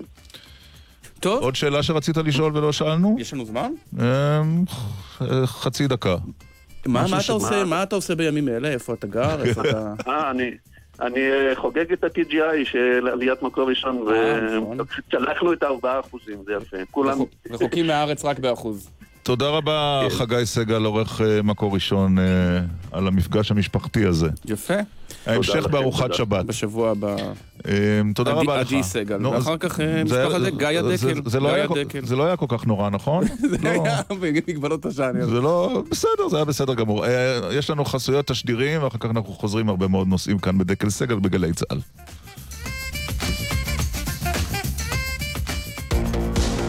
אתם מאזינים לגלי צה"ל. טיפ מהיר שכדאי להכיר. את מסנני המזגן מומלץ לנקות לפחות פעמיים בשנה כדי לשפר את יעילות זרימת האוויר ממנו. מתייעלים וחוסכים. איתכם בכל רגע, חברת החשמל. מה קורה כשיעקב בודו, מירי אלוני, דורית ראובני והאחים אסנר פוגשים על הבמה את שימי תבורי? היידיש החפלה, הצגה מוזיקלית, קיצית, עם מגוון שירים בסימן 70 שנה למדינה. היידיש החפלה, בתיאטרון יידישפיל, כוכבית 67, 97. האוניברסיטה הפתוחה, המציעה לימודים לתואר ראשון ושני, ומאפשרת ללמוד בזמן, במקום ובקצב שתבחרו. האוניברסיטה הפתוחה, כוכבית 3500. קבוצת רוכבי אופניים יצאה לדרך. מה הם צריכים כדי להגיע הביתה בשלום?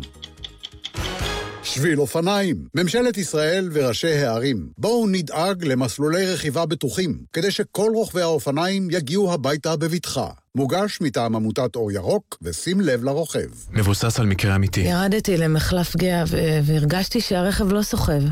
נדלקה נורה אדומה ו... ויצא עשן ממכסה המנוע. הייתי חייבת לעצור בצד. אבל אז הגיעה משאית ו... לא עוצרים בשולי הדרך. אם חייבים לעצור בגלל תקלה שאינה מאפשרת את המשך הנסיעה, עוצרים רחוק ככל האפשר מהכביש, יוצאים מהרכב בזהירות, מתרחקים אל מעבר למעקה הבטיחות ומתקשרים למוקד החירום. נלחמים על החיים עם הרלב"ד, הרשות הלאומית לבטיחות בדרכים.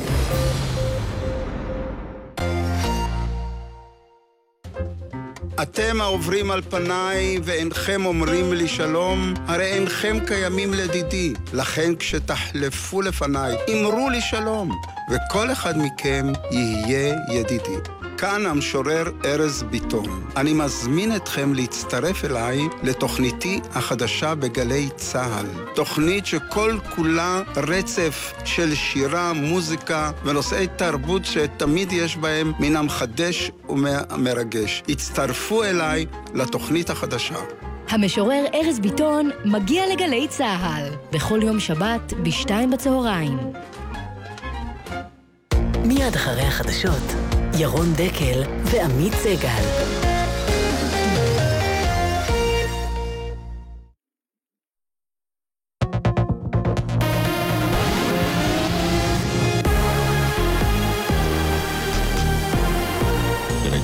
10, בוקר טוב, כאן רני אבנאי עם מה שקורה עכשיו. דרמה בבית המשפט העליון, השופטים זיכו הבוקר אדם שהורשע ברצח לאחר שכבר ריצה 11 שנות מאסר. אלישע חייבטוב הורשע ברצח עובד במועדון סנוקר בעיר שדרות לפני 16 שנים, אולם הבוקר קיבלו השופטים את ערעורו, ובו טען כי הודאתו ברצח נתקבלה שלא כדין ותוך הפעלת לחץ כבד. עורך דינו של חייבטוב, דימיטרי ורניצקי, שוחח עם ירון דקל ועמית סגל רגע אחרי הודעת הזיכוי. החקירה בתיק זה נעשתה תוך uh, פגיעה מאוד מאוד חמורה בזכויותיו של uh, מר חייבטוב. מקווים שהמדינה תכיר באותו עוול שנגרם לו. נמצא פה מישהו שישב כעשור uh, על לא עוול בכפו, ובית משפט קבע את זה היום בפה אחד. סגן אה, מפכ"ל המשטרה זוהר דביר הודיע כי בכוונתו לפרוש מהארגון ככל הנראה על רקע כוונת השר ארדן שלא לכלול אותו ברשימת המועמדים להחליף את המפכ"ל אלשיך, כתבתנו עדה שטייף. הבוקר פרסמה המשטרה כי סגן המפכ"ל ניצב זוהר דביר הודיע על רצונו לסיים את שירותו במשטרה לאחר 35 שנות שירות ולפרוש. הרקע כפי שמסתמן היא העובדה שלאחרונה החל השר לביטחון הפנים לבדוק את מועמדתם של קצינים בהווה ובעבר להחליף את אלשיך כמפכ"ל. דביר שלא נכלל ביניהם הבין ככל הנראה שאיננו מועמד והחליט לפרוש. דביר שימש בשורת תפקידי פיקוד מהמובילים במשטרה ובמערכת הביטחון. המדינה צפויה להשיב בשבוע הקרוב לשטחי הרשות הפלסטינית את יוסוף, שם בדוי, פלסטיני שהציל את אשתו וילדיו של הרב מיכאל מרק, זיכרונו לברכה, בפיגוע בדרום הר חברון. במשך שנה וחצי שהה יוסוף בשטחי ישראל מחשש לחייו, אך כעת נאלץ לעזוב לאחר שאישור השהייה שלו פג. הוא שוחח הבוקר עם גל גבאי בגלי צה"ל. הם אומרים לי שאני שטינקר גם, שאני... את יודעת, אה, מה הסיפורים האלה? אין לי בית, אין לי לאן ללכת גם. אשתי מאוימת גם, היא לפעמים, יעני, שהולכת למקום לתוקנות אפילו משהו, מאיימים מעליה, אפילו הילדים חושבים שאני שטינקר. ומתאם על פעולות הממשלה בשטחים לא נמסרה תגובה.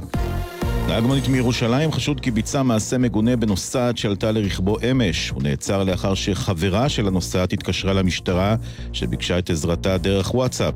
כך נשמעה השיחה עם מוקד המשטרה. החברה אצלו בוואטסאפ, היא במונית, והיא אמרה לי שהנהג שלו מטריד אותה והיא לא יכולה, לא לענות לאנשים. היא שלחה לי, היא רק מתכתבת איתנו בכביש אחד, היא שלחה לי תמונה שהיא חייבת להחזיק לו את. והנהג שוחרר אתמול בתנאים אה, מגבילים. בנוסף על עבירת התקיפה המינית, הוא חשוד כי נהג תחת השפעת סמים. סוהר בשירות בתי הסוהר נעצר אתמול בחשד כי תכנן להעביר סמים לאסירים בכלא רימונים על פי הזמנתם. הסוהר נלקח לחקירה כשברשותו נמצא החומר החשוד כסם. הוא יובא בהמשך היום לדיון בהארכת מעצרו בבית משפט השלום בראשון לציון. חילוקי דעות אה, בהנהגת העדה הדרוזית באשר להצעת הפשרה של ראש הממשלה נוכח חוק הלאום. חבר הכנסת אפרים אכרם חסון מהקואליציה אומר כי יש לעגן את מעמד העדה בחוק יסוד חדש, ואילו ראש מועצת דאלית אל כרמל רפיק חלבי קורא לבטל או לתקן את חוק הלאום. השניים דיברו בתוכניתנו דקל סגל. אם אתה שואל אותי, צריך לבטל את חוק הלאום. אם אתה שואל אותי, צריך להכניס את עקרון השוויון בתוך חוק הלאום. אז מי שירצה להתפשר, שיתפשר. אני לא יכול לתקן עוול אחד בעוול שני. אנחנו מדברים על חוק יסוד כדי לעגן את הזכויות. אם זה מבחינה משפטית לא יעזור לנו ולא ייתן לנו נקודת הזינוק של אחינו היהודי, בוודאי שאנחנו לא נסכים. מזג האוויר ירידה קלה בטמפרטורות, וכעת למשהו שונה לחלוטין. חדשות טובות למעריצי מונטי פייתון, לאחרונה התגלו מערכונים חדשים של גאוני הקומדיה הבריטיים. כתבנו ירדן בויטנר. המערכונים צולמו לסרט הפולחן מונטי פייתון והגביע הקדוש מאמצע שנות ה-70, אך נותרו על רצפת חדר העריכה. הם התגלו בארכיונו הפרטי של חבר הקבוצה מייקל פיילין, יחד עם 50 מחברות ובהן טיוטות שונות של תסריטים. בין החומרים שנמצאו יש כאלה שגם מעוררי מחלוקת, כמו למשל מערכון של אביר בוורוד, שדורש נשיקה מהמלך ארתור. ואלה החדשות שעורך מירון ששון.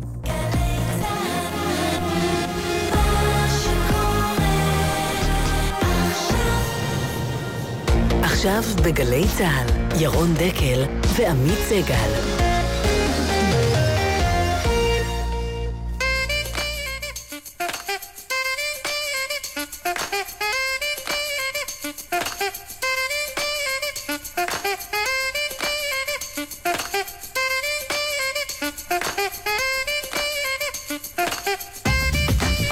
עשר וחמש דקות, אה, בהמשך השעה הזו נדבר אה, עם עופר ברקוביץ', המועמד לראשות עיריית ירושלים. יש סבב ארוך שיימשך לדעתי עד 2020 עם כל המועמדים. של המועמדים, כמה יש? שישה? שמונה.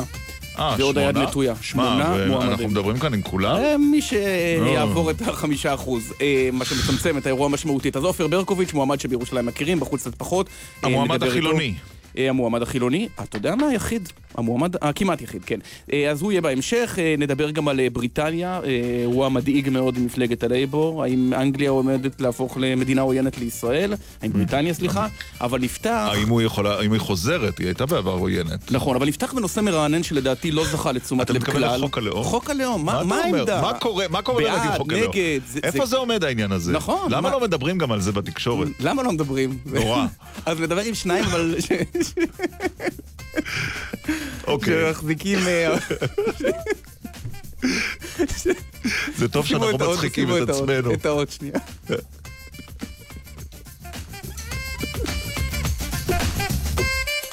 אוקיי, טוב. שניים שמחזיקים עמדות. שלא היו אמורים להחזיק, בהיפוך. נכון.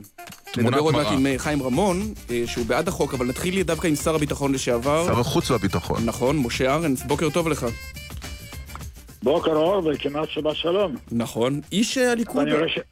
מה אתה רואה? אני רואה שאתם צוחקים. כן? אתם צוחקים. איך אמר מאיר אריאל פעם, הוא אומר כמה שצחקנו עכשיו, לא בכינו שנים. הנה, גם אתה צוחק. למה לא? מה אתה חושב בסופו של... יותר טוב מאשר לבכות. תכף נגיע למאמר שפרסמת השבוע, אתה נוטל לעצמך את הקו התקיף המבקר של הממשלה, מר ארנס, ובכל זאת, בסופו של הליך התקבל חוק הלאום וראש הממשלה הודיע שאין כוונה לשנות אותו אחרי שהסעיף שעורר את עיקר המחלוקת, סעיף 7ב על התיישבות יהודית, הוצא והוחלף בסעיף אחר. מהתוצאה של החוק הזה, גם היא איננה טובה בעיניך? תראה, לדעתי החוק הוא מיותר. אנחנו 70 שנה חיים בלי החוק הזה, ואין אדם במדינה וגם מחוץ למדינה שלא יודע שזו מדינה יהודית, שהדגל שלה הוא כחול לבן עם מגן דוד, שהשפה המדוברת היא עברית, שצה"ל הוא הצבא שמגן על המדינה היהודית. אפשר היה להמשיך גם אולי עוד 70 שנה בלי החוק הזה. אז זה מיותר. אבל יש... השר לשעבר ארץ... אבל, אבל, אבל, אבל, זה אבל החשוב, כן? שיש פה בכל זאת פוטנציאל של פגיעה בחלק מאזרחי המדינה.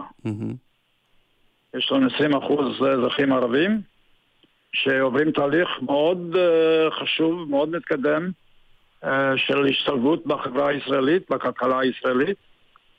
ואני חי בחשש שהחוק הזה עלול לשבש את התהליך הזה. או לעכב את התהליך הזה. Mm-hmm. התהליך הזה הוא מקור גאווה למדינת ישראל וגם כמובן לאוכלוסייה של אזרחי הערבים של מדינת ישראל. ובמקום לנסות לקדם אותו, אסור לנו לקחת, לנקוט באיזשהו צעד שעלול לשבש אותו. אבל, אבל אז זה לא מגיע על מצע ריק. לא קמו בבוקר חבורת משועממים, 62 במספר, ואמרו בואו נחוקק את זה. הסיבה שחוק הלאום נחקק היא אותה מהפכה חוקתית שנשענה לפחות טעמי, על יסודות מאוד רופפים, על אותו חוק יסוד כבוד האדם וחירותו. האם זה לא לגיטימי שהימין הישראלי יתקן, או במרכאות יאזן, את המרכיב הדמוקרטי שמאוד הובלט במרכיב היהודי? לא ביטלנו את הדמוקרטיה. אני, אני לא אומר שזה לא לגיטימי. אני מניח שזה לא לגיטימי, אז uh, בית המשפט העליון uh, יפסול את החוק. אני רק אומר, זה לא חכם. זה, זה מיותר ואין צורך בדבר הזה ברגע זה. אבל המחאה, אז, אה, המחאה אני- כולה, מאז חקיקת החוק בדיוק לפני שבועיים, ארנס מתמקדת רק בעדה הדרוזית, שהיא קטנה בהרבה במספרה אה, מהמגזר הערבי, מהחברה הערבית בישראל. זה, זה, זה- בנוסף לכל, זה בנוסף לכל. שיש לנו מגזר במדינה, המגזר הדרוזי, מי, מי לא מכיר ומי לא מעריך, מי לא, מי לא מכיר, מוקיר את התרומה שלהם למדינת ישראל יום-יום בשירות בצבא, ושמם אה, נעלם אה, בחוק הזה, לא מופיע בכלל. כן. אני מבין שהיום יש, יש מאמצים כדי לתקן את זה, אני מקווה שזה אמנם יתוקן. כן. אבל עדיין, עדיין עדיף היה לא. עכשיו, אתה אומר לגיטימי, אני רוצה פה לסייג את דבריי, מכיוון שאני לא משפטן, ואני מדבר על נושא משפטי, ואני מהנדס אברונוטי. אבל אני, אה, אני חושב שכמו במדינות דמוקרטיות אחרות, כמו אה, חקיקה שהיא קשורה לחוקה, או תיקון לחוקה, בדרך כלל נדרש רוב מועדף, לא רוב של כל אחד. נכון. מכיוון, מכיוון שמובן שבשביל זה צריך תמיכה יחסית רחבה, לא רק רוב של כל אחד.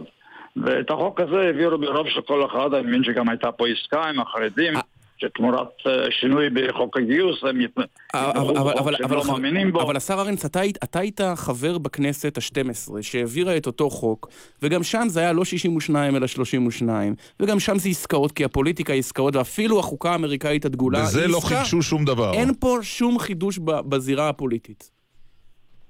אני קודם כל, אני לא, זוכר- לא זוכר שהייתי חבר בממשלה שהעבירה החוק הזה. ודאי. אם העבירו את החוק הזה, אז, אז לא צריך היה להעביר אותו עוד פעם. לא, את חוק, את? חוק, לא, לא, לא, כבוד לא, האדם לא, וחירותו, חוק יסוד כבוד הכוונה. האדם וחירותו ב-92. לא את חוק הלאום. כן, תראה, אז אני אמרתי לך, כרגע אני מסי- מסייג את דבריי מכיוון שאני לא משפטן. אבל זו דעתי. עכשיו אני לא יודע מה, הדעה- מה הדעה של הבג"ץ. וכפי שאמרתי לך, זה, זה, זה לגיטימי, ודאי שזה לגיטימי, זה לא נגד החוק הישראלי, אבל לדעתי עדיף היה דבר כזה, חוק יסוד כזה, חשוב, במידה בכלל, אם בכלל צריך, להעביר אותו בחוק מועדף, ברוב מועדף. טוב, אה, אצל- אצלנו מעבירים אה, חוקים חשובים, יסודיים, ברוב של כל אחד, לדעתי זה לא לגמרי תקין. אוקיי, אתה תלך להפגנה במוצאי שבת? מה אתה אומר? ת, תלך להפגנה שמארגן המגזר הדרוזי, ראשי המגזר הדרוזי במוצאי שבת? לא, לא, אני ב- בגיל המופלג שלי כבר אה, לא הולך להפגנות. אהה, אוקיי. עכשיו, אה, נדבר שנייה על החוק עצמו. האם אתה מצליח להבין מדוע בעצם, איזה סעיף ספציפי עורר את חמתם אה, של הדרוזים, גם אולי של המיעוט הערבי? הרי בסופו של דבר מדובר בלקחת אוסף של דברי חקיקה קיימים. את אה, חוק, אה, החוק שעוסק בשפה, ואת החוק שעוסק ב, ב, ב, ב, בדגל. בדגל וכולי, ופשוט לרשום עליהם חוק יסוד. לא נאמר שם היהודים מעל הכל. תראה, אני רוצה להגיד לך משהו. אם מישהו אומר שדבר שאמרתי עשיתי פוגע בו, אז לדעתי זה לא משנה אם אני אגיד לו, לא, לא התכוונתי לפגוע בך. אם הוא מרגיש שהוא נפגע, אז סימן שהוא נפגע. ואין לי ספק שחלק גדול מהציבור הדרוזי היקר, שתורם למדינה זה עשרות בשנים, אה, מרגיש נפגע, ולכן צריך לתקן את זה. אני רוצה, אם אנחנו, עמית, אה, מיצינו את עניין חוק הלאום, לדבר על המאמר שמשה ארנס פרסם השבוע בהארץ, כן. שכל כולו ביקורת על מדיניות הממשלה כלפי אה, רצועת עזה. תוכל, אה, מר ארנס, לפרט למה לא נראה לך מה שהממשלה עושה בתחום עזה? תראה, אני חושב שאנחנו למדנו בדרך הקשה במשך השנים שנוכחות של ארגוני טרור על הגבול שלנו, בשער שלנו, זה דבר לא טוב. זה מביא לאלימות, זה מביא לטרור, אה, זה מביא לאי שקט, וזה מה שקרה בעזה מאז ההתנתקות, השתתפו שם אנשי חמאס. אה, זה ארגון טרור שמצהיר שהמטרה שלו זה להשמיד את מדינת ישראל. וככה הם פועלים לפי הת- התיאוריה המופרכת הזאת. הם לא יכולים להשמיד מדינת ישראל, אבל הם מנסים. והם גורמים לצרות, ואני חושב שזה צריך להיות ברור, שכל עוד שהם שולטים שם ב- ברצועה, שקט לא יהיה. שקט לא יהיה. אבל בעצם האשמת אתה- את, ממש... את הממשלה ואת ראש הממשלה ושר הביטחון בפעולה לא נחושה. הם פועלים בנחישות נגד האיראנים, אה, ב... נגד איראן ב... בסוריה, אבל לא נגד החמאס בעזה. תראה, אני קודם כל לא מאשים את אף אחד, אני רק מביע את דעתי. אני מתרגם אותך פשוט. אה, בסדר גמור, אתה מפרש אותי, כן. כן. תודה רבה לך. אבל, אבל כפי, כפי שאמרתי, אה, כמו ב, אה, בנוכחות האיראנית בסוריה, אנחנו התעוררנו והבנו, ואני חושב שיש על זה הסכמה כללית, שהנוכחות של ארגון טרור איראני קרוב לגבול שלנו זה דבר לא טוב, וצריך למנוע את ההתקרבות שלהם לגבול, ואנחנו עושים את זה. וכפי שזה נראה כרגע, גם במידה ניכרת של הצלחה.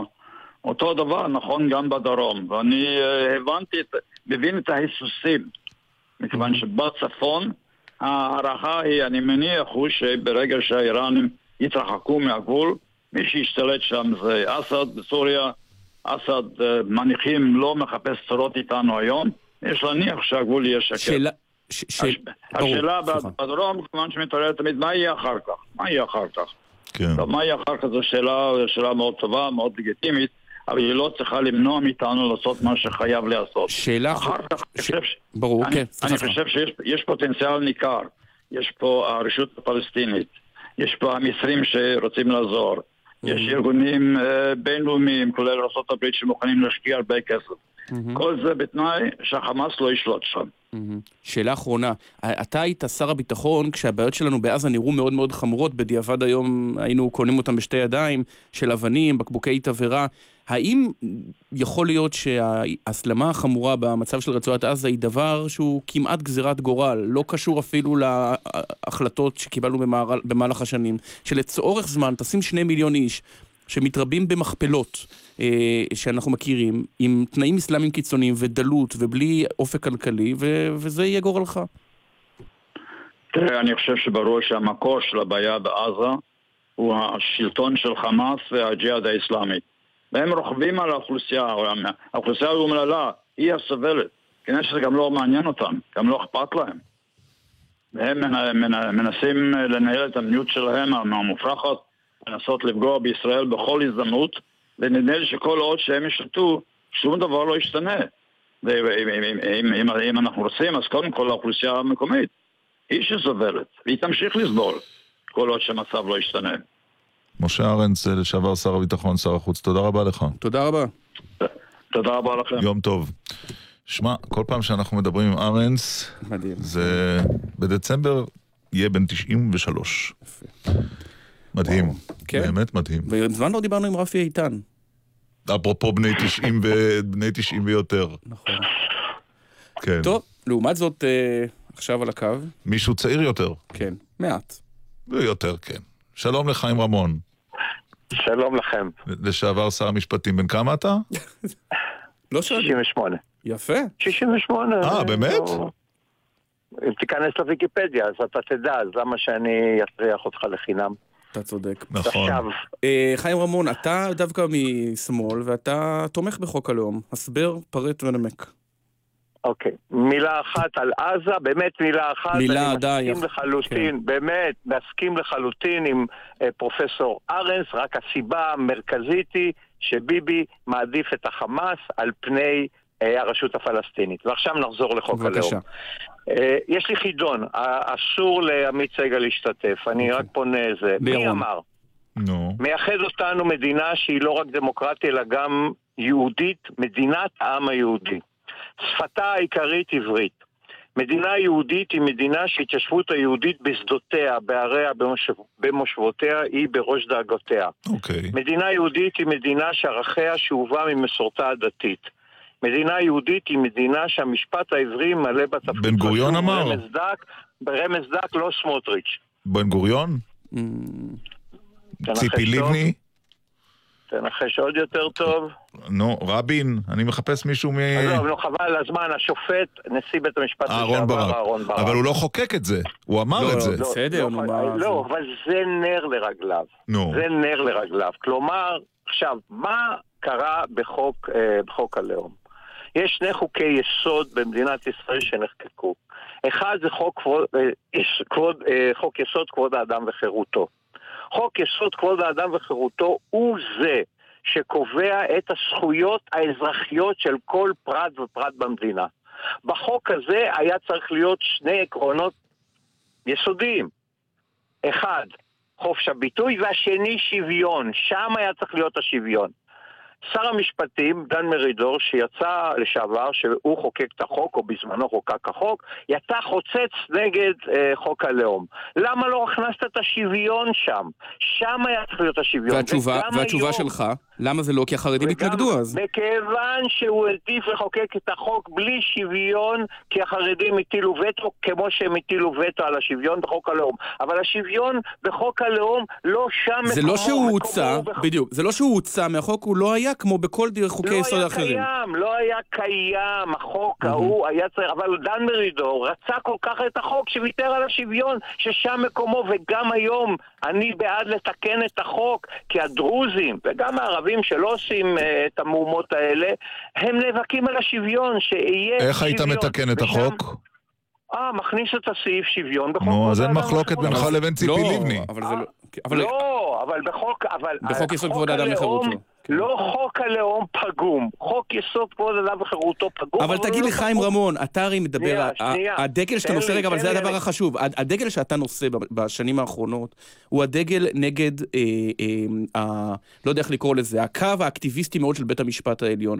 ואתה יודע, נכון. שבאופן אמיתי, זה באמת לא כל כך משנה מה נכתב חוק הלאום, שוויון, כבוד האדם ו- וחירותו, ואתה כל כך, צודק, כי מה עשה בית המשפט העליון? בחוק כבוד האדם וחירותו, הוא, הוא קבע שטבוע חופש הביטוי, של מה שלפי חוק כבוד האדם וחירותו החליטו שמותר בשם חופש הביטוי להפגין מול הבית של היועץ המשפטי והכניסו את השוויון, אני לא אכנס עכשיו להרבה פסקי דין, הכניסו את השוויון, כלומר השוויון אמרו הוא טבוע במילים חוק כבוד האדם וחירותו ועכשיו נעבור לחוק הלאום. מי שלוקח את סעיף, בחוק הלאום לא, שום דבר נהיה יותר רע. בוא נגיד את זה, נתחיל בזה. הדבר השני שקרה בחוק כבוד, כבוד האדם וחירותו, אה, בחוק הלאום, וזה אני מאוד מאוד בעד, זה סעיף אחד. מי שקורא סעיף אחד, יש שם הבחנה ברורה בין ארץ ישראל לבין מדינת ישראל. ארץ ישראל היא משהו ארטילאי, אבל, אבל, ואני מחזיק בידי את החוק, מה שלצערי רבים לא עשו, זה נכון. כתוב מדינת ישראל היא מדינת הלאום של העם היהודי, לא ארץ ישראל. כלומר, יש הבחנה ברורה שמדינת ישראל, יש לה הגדרה. זה מדינת ישראל בקווי 67 פלוס ירושלים המזרחית ורמת הגולן. זו מדינת ישראל. כלומר, בכל השטחים מחוץ למדינת ישראל יכולה להיות מדינת לאום. אה, אחרת, אולי פלסטינית. אני חושב שציפי לבני לא מדינת הייתה ישראל לא, לכתוב- לא הגדירה את עצמה כמדינה גם ביהודה, בשטחי יהודה ושומרון ולא הכילה את החוק והמשפט שלא, הישראלי. זה מה שאני אומר, כן. ולכן היא בדיוק, החוק הזה למעשה קובע את חלוקת הארץ. אני חושב שציפי לבני לא הייתה יכולה לכתוב את סעיף אחד, שהוא הסעיף המרכזי, יותר טוב ממה אוקיי. שכתוב אני. רוצה עכשיו רגע, חיים רמון, שתעזוב את עוד עמדת, מילה ה... את עמדת האידיאולוג לרגע אחד ותיכנס ל... אה, לכובעו של אה, מנהל קמפיין.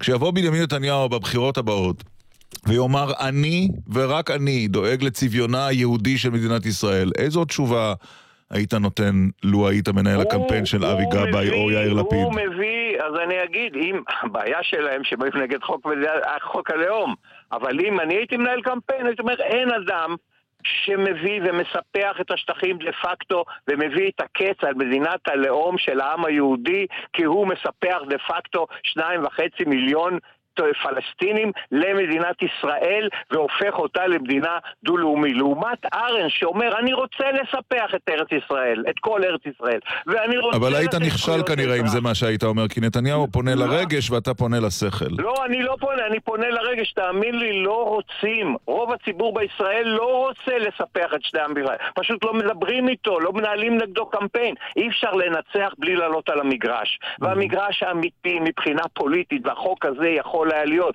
אומרים, אם ישראל, אם מדינת הלאום, אם מדינת ישראל, מדינת כן. הלאום של העם היהודי, מי שמביא שניים וחצי מיליון פלסטינים ומספח אותם לתוכה, מביא את הקץ על מדינת הלאום של העם היהודי אוקיי. במדינת ישראל. ולכן זה הקמפיין, כי יש הקמפיין האמיתי הוא בין אלה שתומכים במדינת היהודים לבין אלה שתומכים במדינה דו-לאומית. הבעיה היא שהרי זה מגוחך שמי שבא ומדבר על מדינה יהודית הוא בעד לספח שניים וחצי מיליון. אפילו לא שניים וחצי מיליון, נקח את פנל. לא, כי הניסיון, הניסיון הגירושים שלך מאז זה פשוט עלה נהדר. באמת שכחנו מקיומם של שני מיליון פלסטינים שם. הם לא קיימים, הם, לא, הם נעלמו, לא סופרים אותם. אתה סופר אותם דמוגרפית.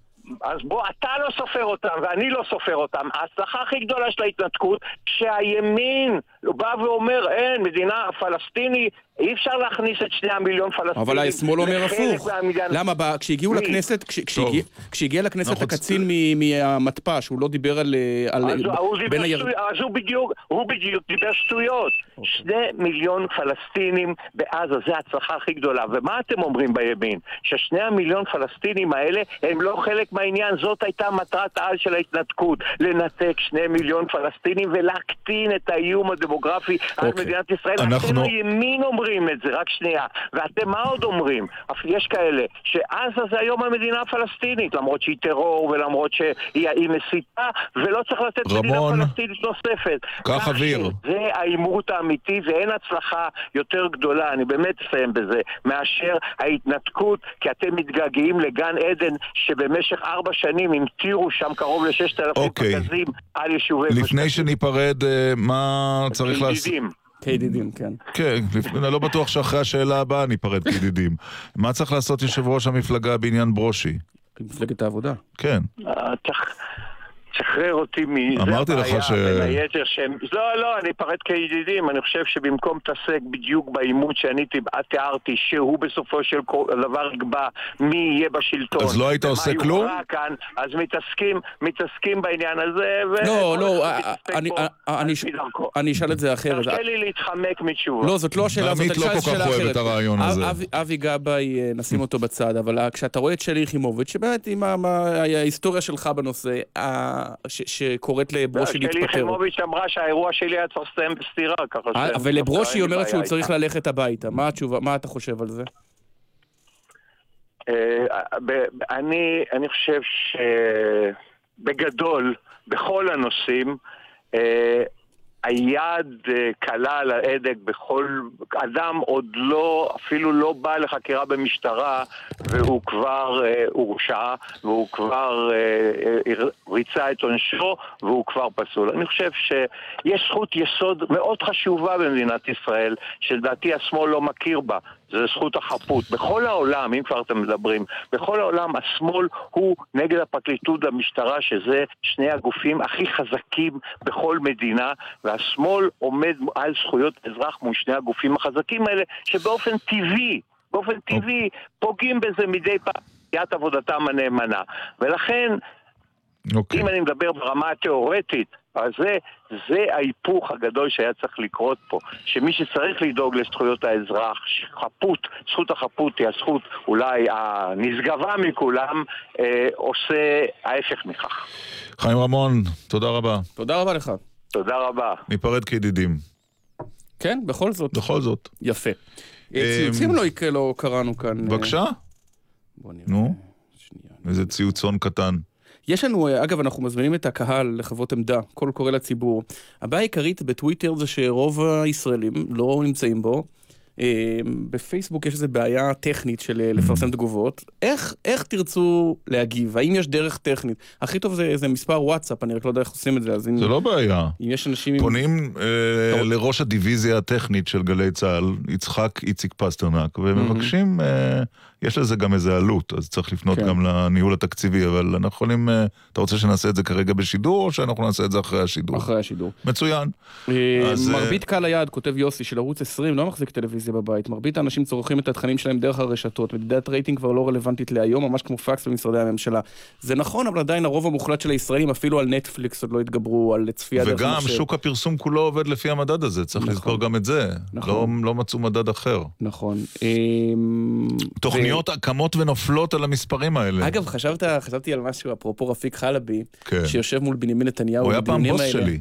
לא רק שהיה בוס שלך, הוא האיש שנפגש עם נתניהו בשתי הזדמנויות אה, מסמרות שיער. הראשונה זה פרשת הקלטת, שנתניהו מתקשר אליו ואומר לו, אני רוצה לדבר באולפן כיושב ראש האופוזיציה. והשנייה זה אולי. אפילו היום אפשר להגיד, שזה גדול העימותים של נתניהו אי פעם עם התקשורת, פרשת ברון חברון. כן. כשרפיק חלבי, חלבי היה אז ראש חטיפת החדשות Mhm. אה, בערוץ הראשון, ואומר ומוטי שהסיפור קירשנבאום, הוא... זכרו לברכה, היה המנכ"ל, צריך להזכיר גם את זה. והסיפור של איילה חסון, והוא אומר שהסיפור הוא 100 טון בטון. כן. ונתניהו אמר, אה, תוצאות הקלפי, אה, התוצאות ייקבעו בקלפי ולא בערוץ הראשון על ידי מר החלבי. Mm. לא החלבי, אלא הקלפי, זה אפילו היה חרוץ. טוב, נלך, אה, יש לנו חוב קטן לתשדירים. מיד אחרי כן? עופר ברקוביץ', המועמד המועמד לראשות עיריית החילוני. אמת. הנה. אתם מאזינים לגלי צה"ל.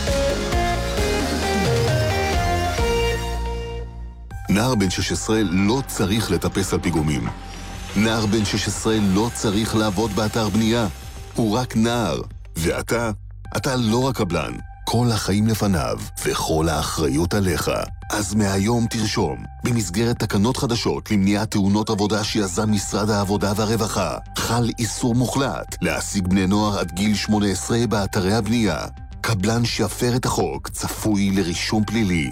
יזם, תבנה, אל תהרוס חיים. משרד העבודה והרווחה. וואו, אחותי, יפים לך בקבוקים. תודה, נשמה. ואיך הפחיות? מחזירים לרשתות המזון ולמרכולים פחיות משקה, בקבוקי יין ובירה ובקבוקי משקה קטנים מפלסטיק, ומקבלים חזרה דמי פיקדון של 30 אגורות ליחידה. יפה לכם. תאגיד המחזור אלה, בהתאם לחוק הפיקדון. מה קורה כשיעקב בודו, מירי אלוני, דורית ראובני והאחים אסנר פוגשים על הבמה את שימי תבורי? היידיש חפלה, הצגה מוזיקלית, קיצית, עם מגוון שירים בסימן 70 שנה למדינה. היידיש חפלה, בתיאטרון יידישפיל, כוכבית 67, 97. עכשיו בגלי צה"ל, ירון דקל ועמית סגל. כתושב ירושלים אתה רוצה להציג את כן. המצב בסקרים של המועמד הבא? אנחנו בשבוע. שעבר דיברנו עם משה ליאון, אפרופו נכון. הכרזת נתניהו על תמיכתו, ציוצו של ראש הממשלה על, על, על אה, תמיכתו באלקין, והיום אנחנו עם, מה המצב בסקרים? אה, אי אפשר לדעת, כי כל מועמד מציג את הסקר שלו, וסקרים אובייקטיביים אין. נגיד שלום עכשיו לעופר ברקוביץ'. בוקר טוב. מוע- מועמד לראשות... ירון- אה, וירון, מועמד לראשות העירייה, בן 34? חמש. חמש. אני כבר יכול לומר שאני לא אצביע עבורך. כן. חד משמעית. כי אתה, כי אתה לא תושב העיר. לא אמרתי מדוע, לא. לא נימקתי, רק אמרתי שאני עבורך לא אצביע. נכון, נכון. תגיד, אני אשאל אותך... אבל אני לא תושב העיר, זה נכון. מצביע. כן. אתה בסקרים, אבל אפשר להגיד שבוא נגיד בשלישייה המובילה, אה, יחד עם אלקין וליאון, יש ויכוח כמובן על הסדר, ועל זה עוד מעט אולי נדבר, אבל הטענה העיקרית נגדך, עופר ברקוביץ', אומרת, אין לו סיכוי, בסיבוב השני החרדים יתלכדו נגדו, ואין לו סיכוי לנצח. בלי חרדים קשה. אז ככה, ראשית כל, אני המועמד המוביל בסקרים. סקר של עיתון בשבע, שהוא כן סקר ניטרלי, אני מקבל שם 32 אחוז, אלקין 27, ליאון 14, דייטש 14. עכשיו, דייטש בשבוע שעבר מודיע בצורה רשמית על כניסתו למרוץ, המועמד החרדי, ובעיניי שומט את הקרקע מתחת לאלקין וליאון. מדוע? הם ניסו לארגן... הם ניסו לארגן דיל פוליטי עם החרדים בחודשים האחרונים, זה לא צלח, מהרגע שדייטש נכנס למרוץ, הבסיס שלהם בעיר הוא מאוד מאוד נמוך. בכל הסקרים ברור שבציבור הציוני, החילוני, המסורתי, הדתי, הלאומי, אני המועמד המוביל. גם אם אלקין... אלא אם הוא יוריד דייטש. אם הוא לא ימשיך עד הסוף, אז המצב ישתנה. אנחנו מסתכלים כרגע על מה שיש, ודייטש הודיע בשבוע שעבר על ריצתו. אוקיי. אמ, לפי סקר נוסף שאני מכיר, שנעשה אה, בתנועת הליכוד, אני גם מקבל 39% מקרב בעלי הדעה, מה שאומר שאני קרוב מאוד לנצח גם בסיבוב הראשון. אבל הטענה טוב, העיקרית זה נגדך... נשמע לי קצת יומרני, אבל בסדר. אני- אקרא לך את הדברים שאומר ניר ברקת, שוודאי שהוא בברית עם אלקין, גם עליה אפשר כן. לדבר הרבה, אבל אה, אתה היית סגן ראש העיר תחתיו, והוא אומר כך, ראשות עיריית ירושלים זה תפקיד גדול על ברקוביץ' בכמה מידות. לצערי הרב, אי התאמתו לתפקיד הוא עצום. עופר לא ידע לשים כתף תחת האלונקה, הוא לא צבר מספיק ניסיון ציבורי, היו לו מריבות, היו לו קשיים. תשובתך. תשובתי שניר ברקת עושה דיל פוליטי שנוח לו עם זאב אלקין. אה, זה, זה יעזור לו בליכוד, זה יעזור לו בראשות העיר. אני אה, אה, קצת אה, אה, מרחם על ניר ש, שזאת הצורה שבה הוא בוחר לסיים את דרכו בעיריית ירושלים. אני חושב שבסך הכל ברוב שנותיו ניר עשה עבודה טובה למען העיר. אני חושב שבדברים, אה, העניינים שהוא התייחס אליהם, אני חושב שהייתי סגן ראש העיר המוביל אה, אה, בהרבה מאוד היבטים, אה, אה, אה, בהיבטי פיתוח כלכלי ומהפכת ההייטק בירושלים, בהיבטי אה, פיתוח התרבות, התיקים שהחזקתי, תיק מרכז העיר, התקדמו בצורה המשמעותית ביותר.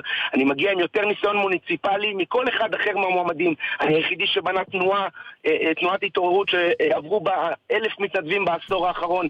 אני עומד בראש תנועה ציונית הכי גדולה בירושלים, ניר ברקת עשה את זה עם 15 מיליון שקל וקיבל ארבעה מושבים. אני קיבלתי ארבעה מושבים עם תקציב זעום, כי אנשים מבינים שיש כאן משהו אמיתי, רציני, אה, וצר אבל אתה לא מרגיש שהניסיון, או חוסר הניסיון, היעדר ניסיון מספיק וגילך הצעיר הם לרועץ? אני חושב שאחרי עשר שנים בעירייה, כחבר ועדה מחוזית, חבר ועדה מקומית לתכנון ובנייה, יושב ראש ועדת הכספים, סגן ראש העיר לענייני פיתוח כלכלי ותעסוקה, מחזיק תיק התרבות, מחזיק תיק מרכז העיר, אחרי אה, ההישגים שהובלנו. ואתה שואל אותי לגבי הגיל הצעיר, אני חושב שהוא יתרון, אני לא חושב שהוא חיסרון, אני חושב שצריך להט. אנרגיה, רצון לשנות, לנער את המערכת. אנשים שבעו מפוליטיקאים okay. שבאים לעשות סיבוב. אבל, אבל זאת פוליטיקה. ש... רגע, רגע, רגע, רגע. רק עוד משפט אחד, mm-hmm. כל הפוליטיקאים האחרים נתונים לאינטרסים פוליטיים. זה איש של ליברמן, זה כפוף לדרעי, זה כפוף למרכז הליכוד, אני מחויב... אז איך מונעים את בריחת החילונים מירושלים? בדיוק. בואו נדבר תכלס, איך מונעים את בריחת החילונים מירושלים? לא, אתה ראש העיר, מה אתה עושה? הדבר הראשון זה פיתוח כלכלי, יצירתי ואורבני, להמשיך את הדברים שהתחלנו בהם בהייטק, בחיזוק עולם התיירות, בעזרה לעסקים הקטנים, בפיתוח רוב העסקים חדש בכניסה לעיר, מיליון שש מאות אלף מטר מרובע, אוטוטו עם רכבת מהירה לתל אביב 30 דקות, נוכל לבוא לחברות שיושבות היום בתל אביב ולהגיד להם בואו תשלמו 7.5% מס חברות בירושלים במקום 14% במרכז, בואו שבו ליד ממשלת ישראל, בואו תראו את ההאב התחבורתי המתקדם שאנחנו בונים בירושלים עם רכבות מהירות אבל את זה לא בנית עשית אתה, את זה בנה ברקת. מה החידוש שלך? לא אמרתי, לא, שאלת אותי מה אני מתכוון לעשות, לא שאלת כן. אותי מה עשיתי, והייתי נכון. גם שותף למהלכים האלה לצד ניר ברקת. אה, היו שלושה אנשים שהיו שותפים לדבר הזה, ברקת, תורג'מן ואני, ואני הייתי אחד מהשלישייה שקידם את התוכנית הזאת גם כן.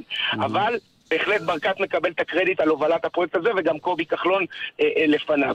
אני אומר שכדי להשאיר צעירים בירושלים, קודם כל לייצר תעסוקה. זה נכון גם כדי להשאיר צעירים מהמגזר הציוני, גם כדי לשלב אוכלוסייה ערבית וחרדית בתעסוקה, ולהגדיל את האיתנות הכלכלית של העירייה ולשפר את השירותים לתושבים, כי כדי שירושלים תצליח, כולם צריכים להצליח. ומה הבעיה העיקרית של... מה, מה הבעיה העיקרית של ירושלים בעיניך, עופר ברקוביץ'? יש הרבה בעיות בירושלים. העיקרית. זה... אני חושב, אני חושב שבסוף היום זה העניין הזה של הפיתוח הכלכלי והתעסוקה, ואני חושב שגם נושא הניקיון שמטריד הרבה מאוד אנשים. אתה מצליח להבין, אתה מצליח להבין למה ירושלים מלוכלכת? אני חושב בקול, כן, אולי, אולי, אולי התודעה של... אולי התודעה של הניקיון אצל התושבים פחות, זה התייאשו כבר ומלכלכים. א', זה בטוח תלוי גם בתושבים, אבל אני חושב שניר ברקת, הצבעתי נגדו פעמיים כסגן ראש העיר שלו, כשהוא רצה להעביר עודפי תקציב בסוף 2016 ובסוף 2017 לתרבות, כשאני מחזיק תיק התרבות. אני, אומר לו, ניר, תקשיב, יש לנו עיר משופעת באירועים, צריך לעשות, התושבים מבקשים שננקה אותה.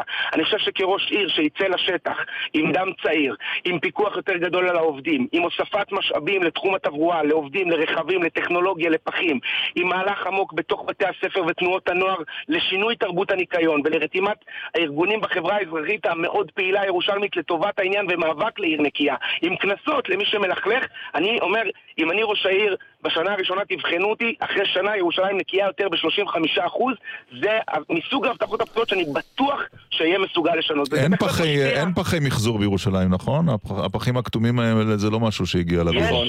קודם כל ירושלים ממחזרת דרך מפעל התברואה בעטרות גרינט, 50% מההשפעה, אבל בהחלט יש מקום גם לחיזוק הנושא הזה, אבל התחושה של הניקיון מקרינה על פיתוח כלכלי, על תיירות, על איך, איך התושבים מרגישים שהעירייה מתייחסת אליהם. היום התושבים אומרים, העירייה הזאת, שאני משלם לארנונה גבוהה, לא נותנת לי את המינימום שירותים שאני מבקש, והם צודקים. כן. ואת הדבר הזה אפשר לשנות, אבל צריך לרצות, צריך מישהו... אלקין, אתה יודע, יכול להיות שהוא מתורגמן טוב בין אה, אוקיי. נתניהו okay. לבין פוטין, יכול להיות שהוא חבר ועדת אה, קבינט מדיני-ביטחוני עושה עבודה טובה, אבל כדי להיות ראש העיר אתה צריך להיות מנהל טוב, אתה צריך לרדת לשטח, אתה צריך לדעת לכתת רגליים בשכונות הירושלמיות, להכיר את הרחובות, להכיר את הבעיות. אני חושב שבמקומות האלה יש לי יתרון משמעותי, ודווקא הגיל הצעיר בעניין הזה אה, עוזר בעניין הזה. עופר ברקוביץ'. אני חושב שאנחנו לא סתם רואים את הסקרים כמו שאנחנו רואים אותם. תודה רבה על השיחה הזו. תודה רבה גם לכם. אולי נדבר בשבוע הבא עם דייטש. הוא לא, לדעתי לא מתראיין עדיין. מתי הוא יתראיין? אה, מתי הוא רוצה להתראיין? אולי הוא לא צריך להתראיין.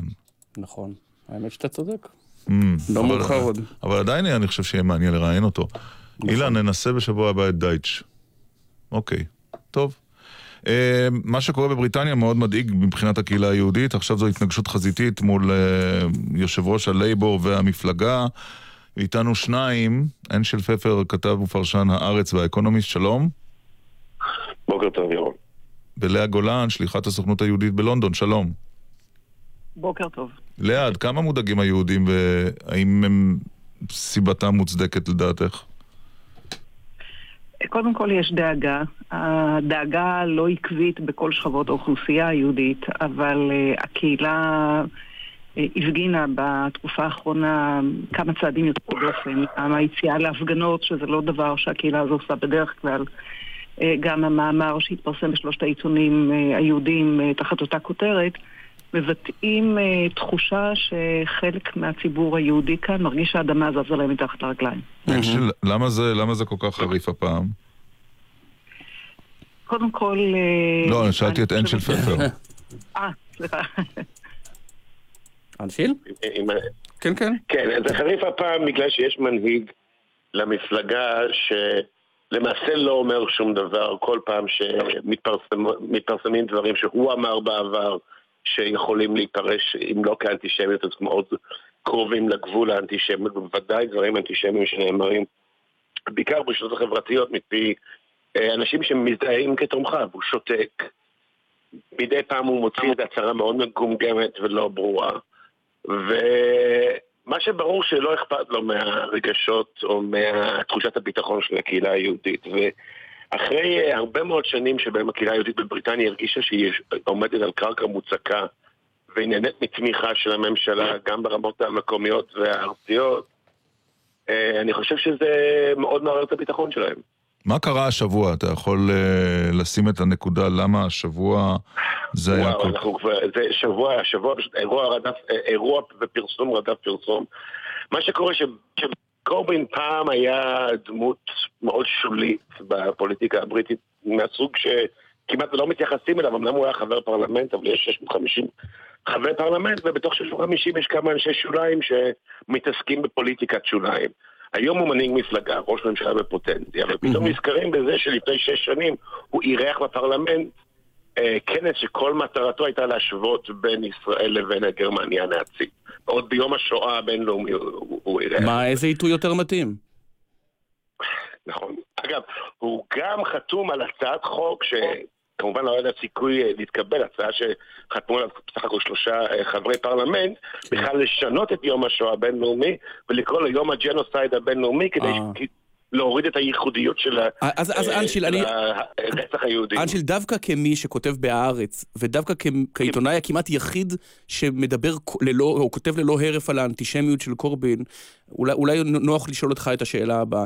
למה ה- ה- מתעסקים, רוב העיסוק הוא באנטישמיות אירופית ימנית, ולא באנטישמיות אירופית שמאלנית?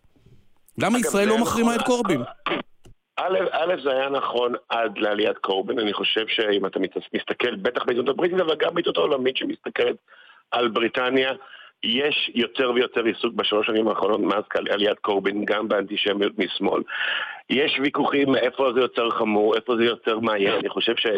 אם יש לנו אה, אדם כמו אה, דונלד טראמפ אה, בוושינגטון ובישראל בנימין נתניהו מחבק ימנים קיצוניים שעל גבול הכחשת השואה כמו ויקטור אורבן וההנהגה הנוכחית בפולין, אז עדיין יש טיעון חזק שהמצב יותר בעייתי מימין, אבל אני, אני, אני, אני, לא, אני לא מסכים עם, עם האמירה שאנחנו לא מתעסקים. לא החזרנו, לא לא איימנו להחזיר את השגריר, אנחנו שומרים על אנחנו שומרים על קשר עם הלייבור. להחזיר את השגריר בגלל האופוזיציה? תראה, מדינת ישראל, למדינת ישראל יש כאן בעיה מאוד, לא- מאוד לא פשוטה. יש, יש פרוטוקול דיפלומטי שבמסגרתו אנחנו אה, שומרים על קשר עם מפלג... שגריר בכל מדינה שומר על קשר עם, אה, גם עם מפלגת האופוזיציה המרכזית, מרק רגב, השגריר ישראל, ישראל בלונדון נפגש פעם אחת עם קורבין, פגישה שלקח חודשים עד שהיא נקבעה וכל פעם נדחתה, הייתה להם פגישה קצת מהוססת, לא... לא, לא ממש ברור, אה, בעיקר, לפי מה שאני שמעתי, בעיקר מרק רגב דיבר וניסה להסביר לקורבין מה לא בסדר במה שהוא עושה, וקורבין שתק. זה היה לפני שנתיים, מאז לא הייתה עוד פגישה. היה, יש התלבטות מאוד קשה, והייתה התלבטות בבחירות האחרונות בבריטניה, מה לעשות אם הם יעלו לשלטון, האם אנחנו משגרים איזו הודעת ברכה? כי המפלגה עצמה... יש סיכוי שהוא יעלה לשלטון? יש סיכוי שקורבין יהיה ראש ממשלת בריטניה? אם היה, אה, אם, אם היה ראש ממשלה או ראשת ממשלה לצורך העניין מתפק, ש, שמתפקד או מתפקדת בלונדון, אם הממשלה השמרנית הייתה איכשהו מסוגלת uh, להתגבר על המכשלה העצומה של ברקטיס והקרע שקורע את, את המפלגה השמרנית, לכולם היה ברור שקורבין היה ניגף בבחירות האחרונות. הבעיה שהממשלה מאוד uh, מקרטעת. ומדובר בשני פוליטיקאים מאוד חלשים, תריזה מיי וג'רמי קורבין. כל אחד, החולשה שלו מבטלת אז... אחת השנייה, וכרגע הממשלה עוד מחזיקה מעמד. אוקיי, אז אה, לאה, כשאת את שליחת הסוכנות היהודית ללונדון, לכאורה עבודתך קלה יותר מהגלות המאוד מאוד שבעה ונוחה הזאת? יש אנשים שאולי ירצו לעלות ארצה אם אה, קורבין יעלה חלילה לשלטון? קודם כל אני רוצה אולי להתייחס אה, מילה על היהודים ועל הלייבור. כן. אה, היהודים, הקהילה היהודית באופן מסורתי, חלקים גדולים ממנה במשך שנים רבות מזוהים עם הלייבור. ולכן כשאתה שאלת למה השבר חמור, אני חושבת שזו תחושה לא רק של חוסר אמון, אלא אם היהודים נהגו לראות בלייבור בית, אה, לחלקם היום מאוד מאוד קשה עם הבית הזה. זה מוסיף מימד נוסף לתחושת האיום. ובאשר לשאלה של עמית אם עלייה היא אופציה? קודם כל עלייה היא תמיד אופציה. באופן מסורתי מהקהילה היהודית בבריטניה עולים אה, בין 600 ל-800 איש, אה, מרביתם אנשים צעירים, והנתונים האלה הם די עקביים, כמו שכל דבר באנגליה הוא די עקבי לאורך שנים. אנחנו רואים איזשהו גידול קל בעלייה, אה, משהו כמו 7 אחוז, אבל זה ודאי לא אינדיקציה איזושהי נהירה המונית. אני רוצה אבל ברשותכם, אני הייתי אחראית לנושא העלייה בשנים שבארגנטינה חוו משבר מאוד גדול ב-2003. ואני זוכרת שאחד מהיהודים שם אה, אמר לי בספרדית, שכרגע זכרתי, אה, אני שכרתי את המשפט, הוא אמר, תקשיבי, כשהים סוער הדייגים חוגגים, נכון? אז אני רוצה להבהיר, אנחנו לא דייג, אנחנו לא שמחים שהים סוער. אה, אני מאוד רוצה לקוות שהקהילה הזאת תזכה להחזיר לעצמה את תחושת הביטחון. Mm-hmm. יחד עם זאת, אנחנו מאוד מאוד שמחים שאנשים מחליטים לעלות לארץ בגין ההיצע הגדול שיש לישראל. כן, אבל עדיין... בנושא של תעסוקה. כן. בנושא של תעסוקה לצעירים יש הרבה יותר הזדמנויות uh, בארץ מאשר באנגליה. כן. Uh, לימודים בארץ, uh, עולים חדשים מקבלים... למרות שהיציאה של בריטניה מהאיחוד האירופי אולי תגרום לכך שפחות בני לאומים אחרים אירופיים יתפסו משרות בבריטניה ויאפשרו לצעירים בריטים לתפוס את המשרות האלה. לא, לא מן הנמנע שזה יקרה, אבל יש כזה, כזו אי-ודאות וכזו עמימות. לגבי הברקזיט והשלכותיו, שכרגע כל מה שנגיד הוא בגדר כן. ניחוש ולא יותר מזה. אנשיל, שאלה אחרונה. אני כן מרגישה, כן. אני כן מרגישה התעוררות, אבל זה ודאי לא במונחים של נהירה. כן, אנשיל, שאלה אחרונה. אה, הבחירות אמורות להתקיים בבריטניה ב-2022.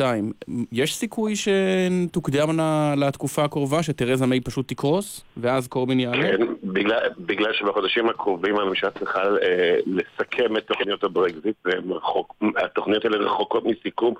ועוד יותר רחוקות מהסכמה. הם לא יעברו בלי תמיכה של חברי הלייבור גם, חברי הלייבור כנראה לא יתמכו. אז המשבר אה, עומד לפתחו של אה, ממשלת אה, ואם זה, זה מאוד, זה מאוד עשוי, או אם אנחנו מדברים על אפשרות שקורבן יעלה עלול להוביל לבחירות ולהפסד של השמרנים. הניצחון של קורבין. בשנה הקרובה, בטרם, בטרם אה, השלמת הברקזיט, וכניסתו לדאונינג 10 בהחלט היא אפשרות מאוד סבירה. זה דבר די מדהים. מי העלה על דעתו כשהוא נבחר לפני כמה שנים שהוא עשוי להיות קרוב כל כך לראשות ממשלת בריטניה? כשאני מדבר עם יהודים סוציאליסטים שמאוד מודאגים מהנושא של אנטישמיות, יש להם בעיה. כי מצד אחד, יש פה הגשמת חלום בשביל מישהו שהוא סוציאליסט ורואה בפעם הראשונה בבריטניה, לפחות בימי חיינו, סוציאליסט אמיתי באמת, בואו נשים בצד את העמדותיו לגבי כן. ישראל. אני לא סוציאליסט, אבל אני, כשאני מדבר עם חברים סוציאליסטים, הם, הם קרועים, כי מצד אחד הם רואים בן אדם שמבחינה כלכלית יש לו את, ה, את העקרונות הסוציאליסטיים הכי, הכי, נוק, הכי חזקים, ומצד שני הבן אדם עיוור לגמרי לאנטישמיות, שלמעשה הוא נמצ- נמצאת סביבו בכל הפוליטיקה, בכל הקריירה הפוליטית שלו כבר 40 כן. שנה. כן, גם נזכיר שיש בארץ אה, אדם שתומך בו, אה, גם לא בכל התבטאויותיו, זה דב חנין, אנחנו ניסינו פעם אחר פעם לדבר איתו, הוא לא הסכים להתראיין. אנחנו נפנה עכשיו אל דב חנין כאן בקריאה נרגשת. אולי הוא מאזין לנו. תודה רבה תודה לשניכם. רבה לשניכם. איינשל פפר, כתב ופרשן הארץ והאקונומיסט, לאה גולן, שליחת הסוכנות היהודית בלונדון. תודה רבה לשניכם. רוחות אה, רעות טובות בלונדון, ממש מאוד, מצער. אתה מאוד. יודע, יש לי הרבה חברים בלונדון מהלימודים ש... אתה, אתה רואה כמה האירוע הזה לא נוכח, זאת אומרת, הם אה, יתמכו, לא יתמכו בקורבין, סוגיית האנטישמיות, זה, זה לא שיש פה גדודי אנטישמים בריטים, הם פשוט מבחינתם זה הנושא הרביעי או החמישי, אתה יודע, כן. אין, אין לי כל כך דוגמה לתת מקבילה מהארץ. הנושא הראש- הכלכלי הוא הראשון. או כמו שאדם תומך בחוק הלאום ולא רואה בו משהו נגד הדרוזים, נגיד את זה כן. ככה, בסדר? אה, הם, הם רותחים על, על השמרנים. אבל זה יוביל אותם לתמוך ב... ב- בלייבור, כן, כן. בלי שום בעיה, לא, בלי למצמץ. אף אחד מהם לא... למרות קורבין? אף אחד מהם לא יימנע מהצבעה ללייבור בגלל העמדות של קורבין על ישראל. אבל אז. הוא יהיה ראש ממשלה, אתה יודע, יחטפו את זה בפרצוף. כן, נכון. טוב, אדם מן היישוב, מן היישוב היום, אה, אישה מן היישוב, מחדרה, שלום שרה. שלום, אותך צריך לשאול קודם כל מתי הקמת. הבוקר. בשתיים. זה לא בוקר, בבוקר. זה זה לילה, זה- אצלי זה ממש כן. אמצע הלילה. אני לא יודע מה איתך, זה לא- אין זה לזה שום קשר. שום קשר לבוקר. תגידי, אה, נכון. יש לך טוסטוס? לא, אז איך את מחלקת את. העיתונים? ברכב, ברכב הפרטי שלי. ומה, זורקים אותם ככה לבתים? אה, יש מקומות שהם אה, בתי קרקע, אנחנו, אני והצוות שנמצא שם, אנחנו אה, יורדים שנייה אחת מהרכב וזורקים את זה לכיוון הכניסה של הבית. יש מקומות שהבקשה היא להיכנס ממש לדלת, אה, לפתח הבית. ולהניח את זה על המרבד. נכון. יש עכשיו- מקומות שאנשים, אתה יודע, סלסלאות, עניינים, מכינים לנו כל מיני דברים. אה, מכינים סלסלה, זה מאוד יפה. את מחלקת איזה עיתונים? אה, מגוון של ידיעות, הארץ, אה, מעריב, אה, חוברות למיניהם. ולא קורה שאת מתבלבלת וקורא עיתון הארץ לא, מגלה את אני כבר ה- את יודעת ידיעות? את הכל, לא, תוך חודש ימים כבר ידעתי הכל בעל פה, כולל Mm. קודים של בניינים, הכל. מה, את יודעת בעל פה את כל הקודים של הבניינים שאת נכנסת? מדהים. הכל, הכל. וואו. כמה מה, ממש- בניינים זה? כמה כן. קודים את צריכה לזכור? בקושי אני זוכר את הקוד שלי. האמת שבאזור חדרה כמעט כל הקודים הם... אה, אחת, שתיים, שלוש, ארבע. כן. לא. לא, אבל זה כמעט על אותו אותו גל. אה, אוקיי. אה, עכשיו, את- עכשיו את- תגיד, את נותנת כמה שירות? שנים- כמה שנים את שם? עובדת בנושא הזה. כמעט שלוש שנים כבר. כמה? שלוש שנים. את נותנת שירות ל- לאנשים שאת אף פעם לא פוגשת, רק דלתות. אמ, אני מכירה אותם בשמות, כן, יש המון אנשים שהם גם אה, מפורסמים. אה, מפורסמים? תני לנו שם. בחדרה? כן. מי? יש, אה, כן, יש נאוה. בוקר, יש אימא בוקר. של ראש העיר, של... אה, כן. אה, אז קורה לך שלפעמים העמוד הראשון עוסק בנאוה בוקר באיזה שערורייה, אם זה יקרה. כדאי להחליף לעיתון אולי. ואת אומרת, אולי לא נעים. לא, לא. לא, אוקיי. לא, לא. לא. או שאת תולשת את העמוד הראשון במקרה הזה. לא, ממש לא, ממש לא. עכשיו, איך זה עובד? לא את- פוליטי בכלל. מאיפה את אוספת את העיתון? יש לנו מרכז כזה שאנחנו מגיעים אליו, אנחנו מסדרים שם, מכניסים את הכל לשקיות בצורה מסודרת, כל עיתון לפי השקית שלו. אנחנו אה, מסדרים את החוברות ואת הסדר הרציף שלי לכיוון הקו שלי. יש המון מחלקים בחדרה, זה לא, לא מסתכם באחד, שאלה, שתיים.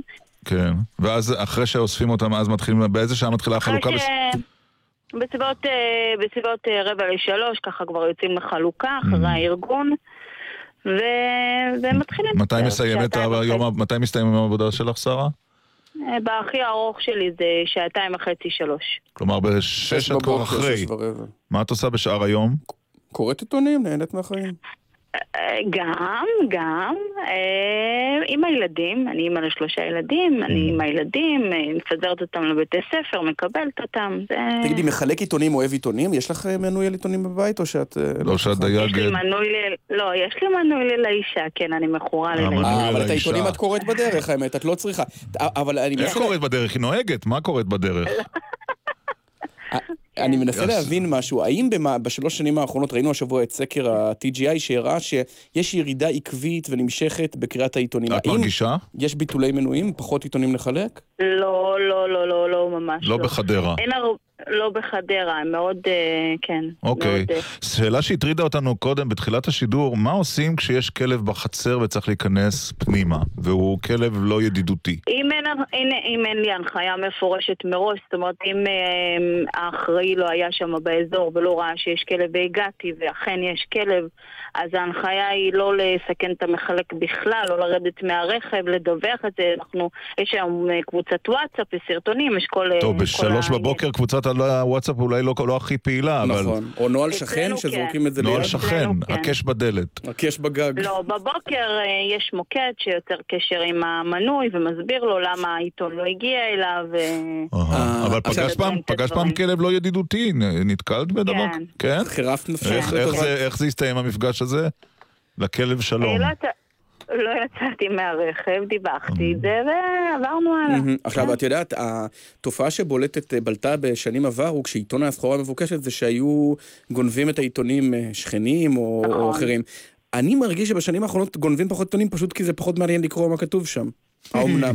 לא, יש, יש, יש. יש גניבות. כן. יש גנבות. אה, אני זוכר שבילדותי, המחלק העיתונים של...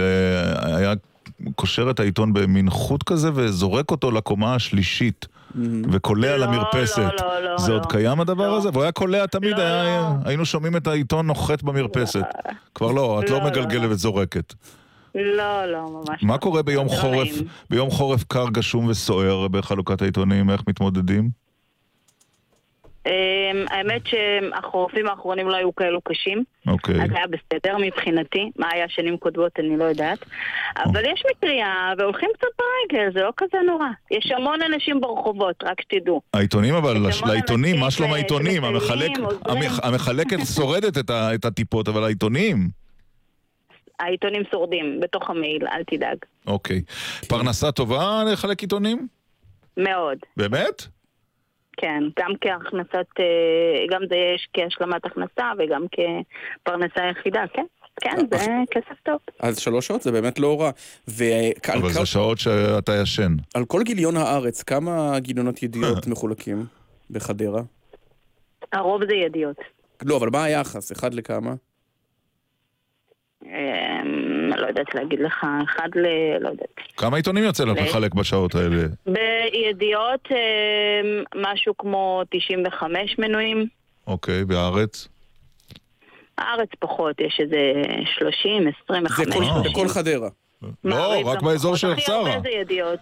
רגע. רק באזור שלי, רק באזור שלי. כמה- את חולשת על כמה מחדרה?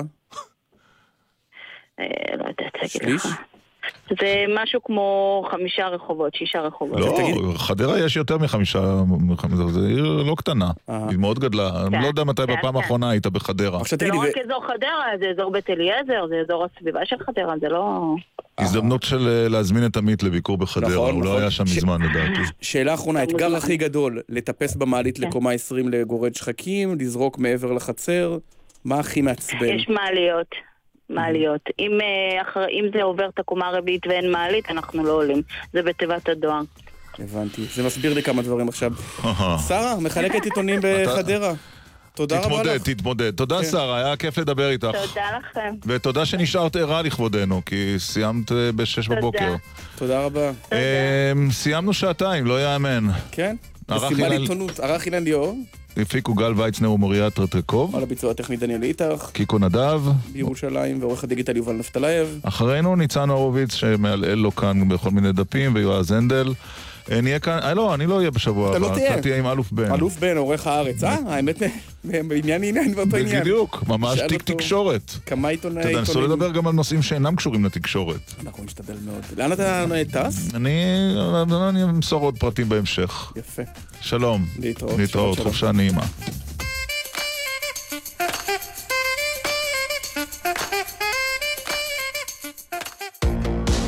אתם מאזינים לגלי צה"ל. תראה, כידוע לך, החברה כרגע בצמצומים, אין לנו ברירה, אנחנו... לא רק פיטורים, כל אירוע חשוב בחיים הוא סיבה טובה לפנות לביטוח הלאומי. לברר אם אתם זכאים לתשלום. התקשרו ישירות לכוכבית 6050. שימו לב, תוכלו להגיש בקשה לדמי אבטלה גם באתר הביטוח הלאומי. מימוש זכויותיכם באופן ישיר ימנע מכם תשלום עמלות לגופים אחרים. ביטוח לאומי לצדך, ברגעים החשובים של החיים. טיפ מהיר שכדאי להכיר. כשמפעילים מזגן, חשוב לסגור חלונות ודלתות כדי להבטיח פעולה יעילה של המזגן. מתייעלים וחוסכים. איתכם בכל רגע, חברת החשמל. המשרד לשוויון חברתי מציג הפלוס של האזרחים הוותיקים משתלט על השבוע.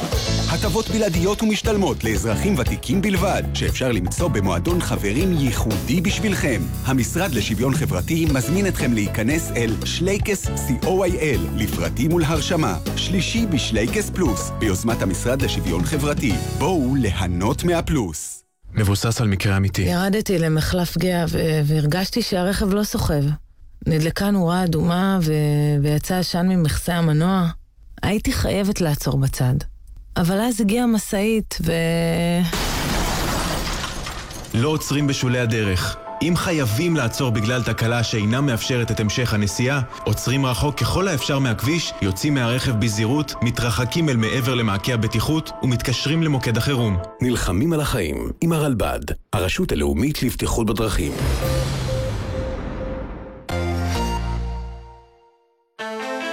דזרט מוב, מופע גרוב ישראלי אל תוך הלילה, בהשתתפות דודו טסה, הדג נחש, לוסיל קרו, לירון עמרם, מרסדס בנד, ערוץ הכיבוד, Full Trunk ו Red Band.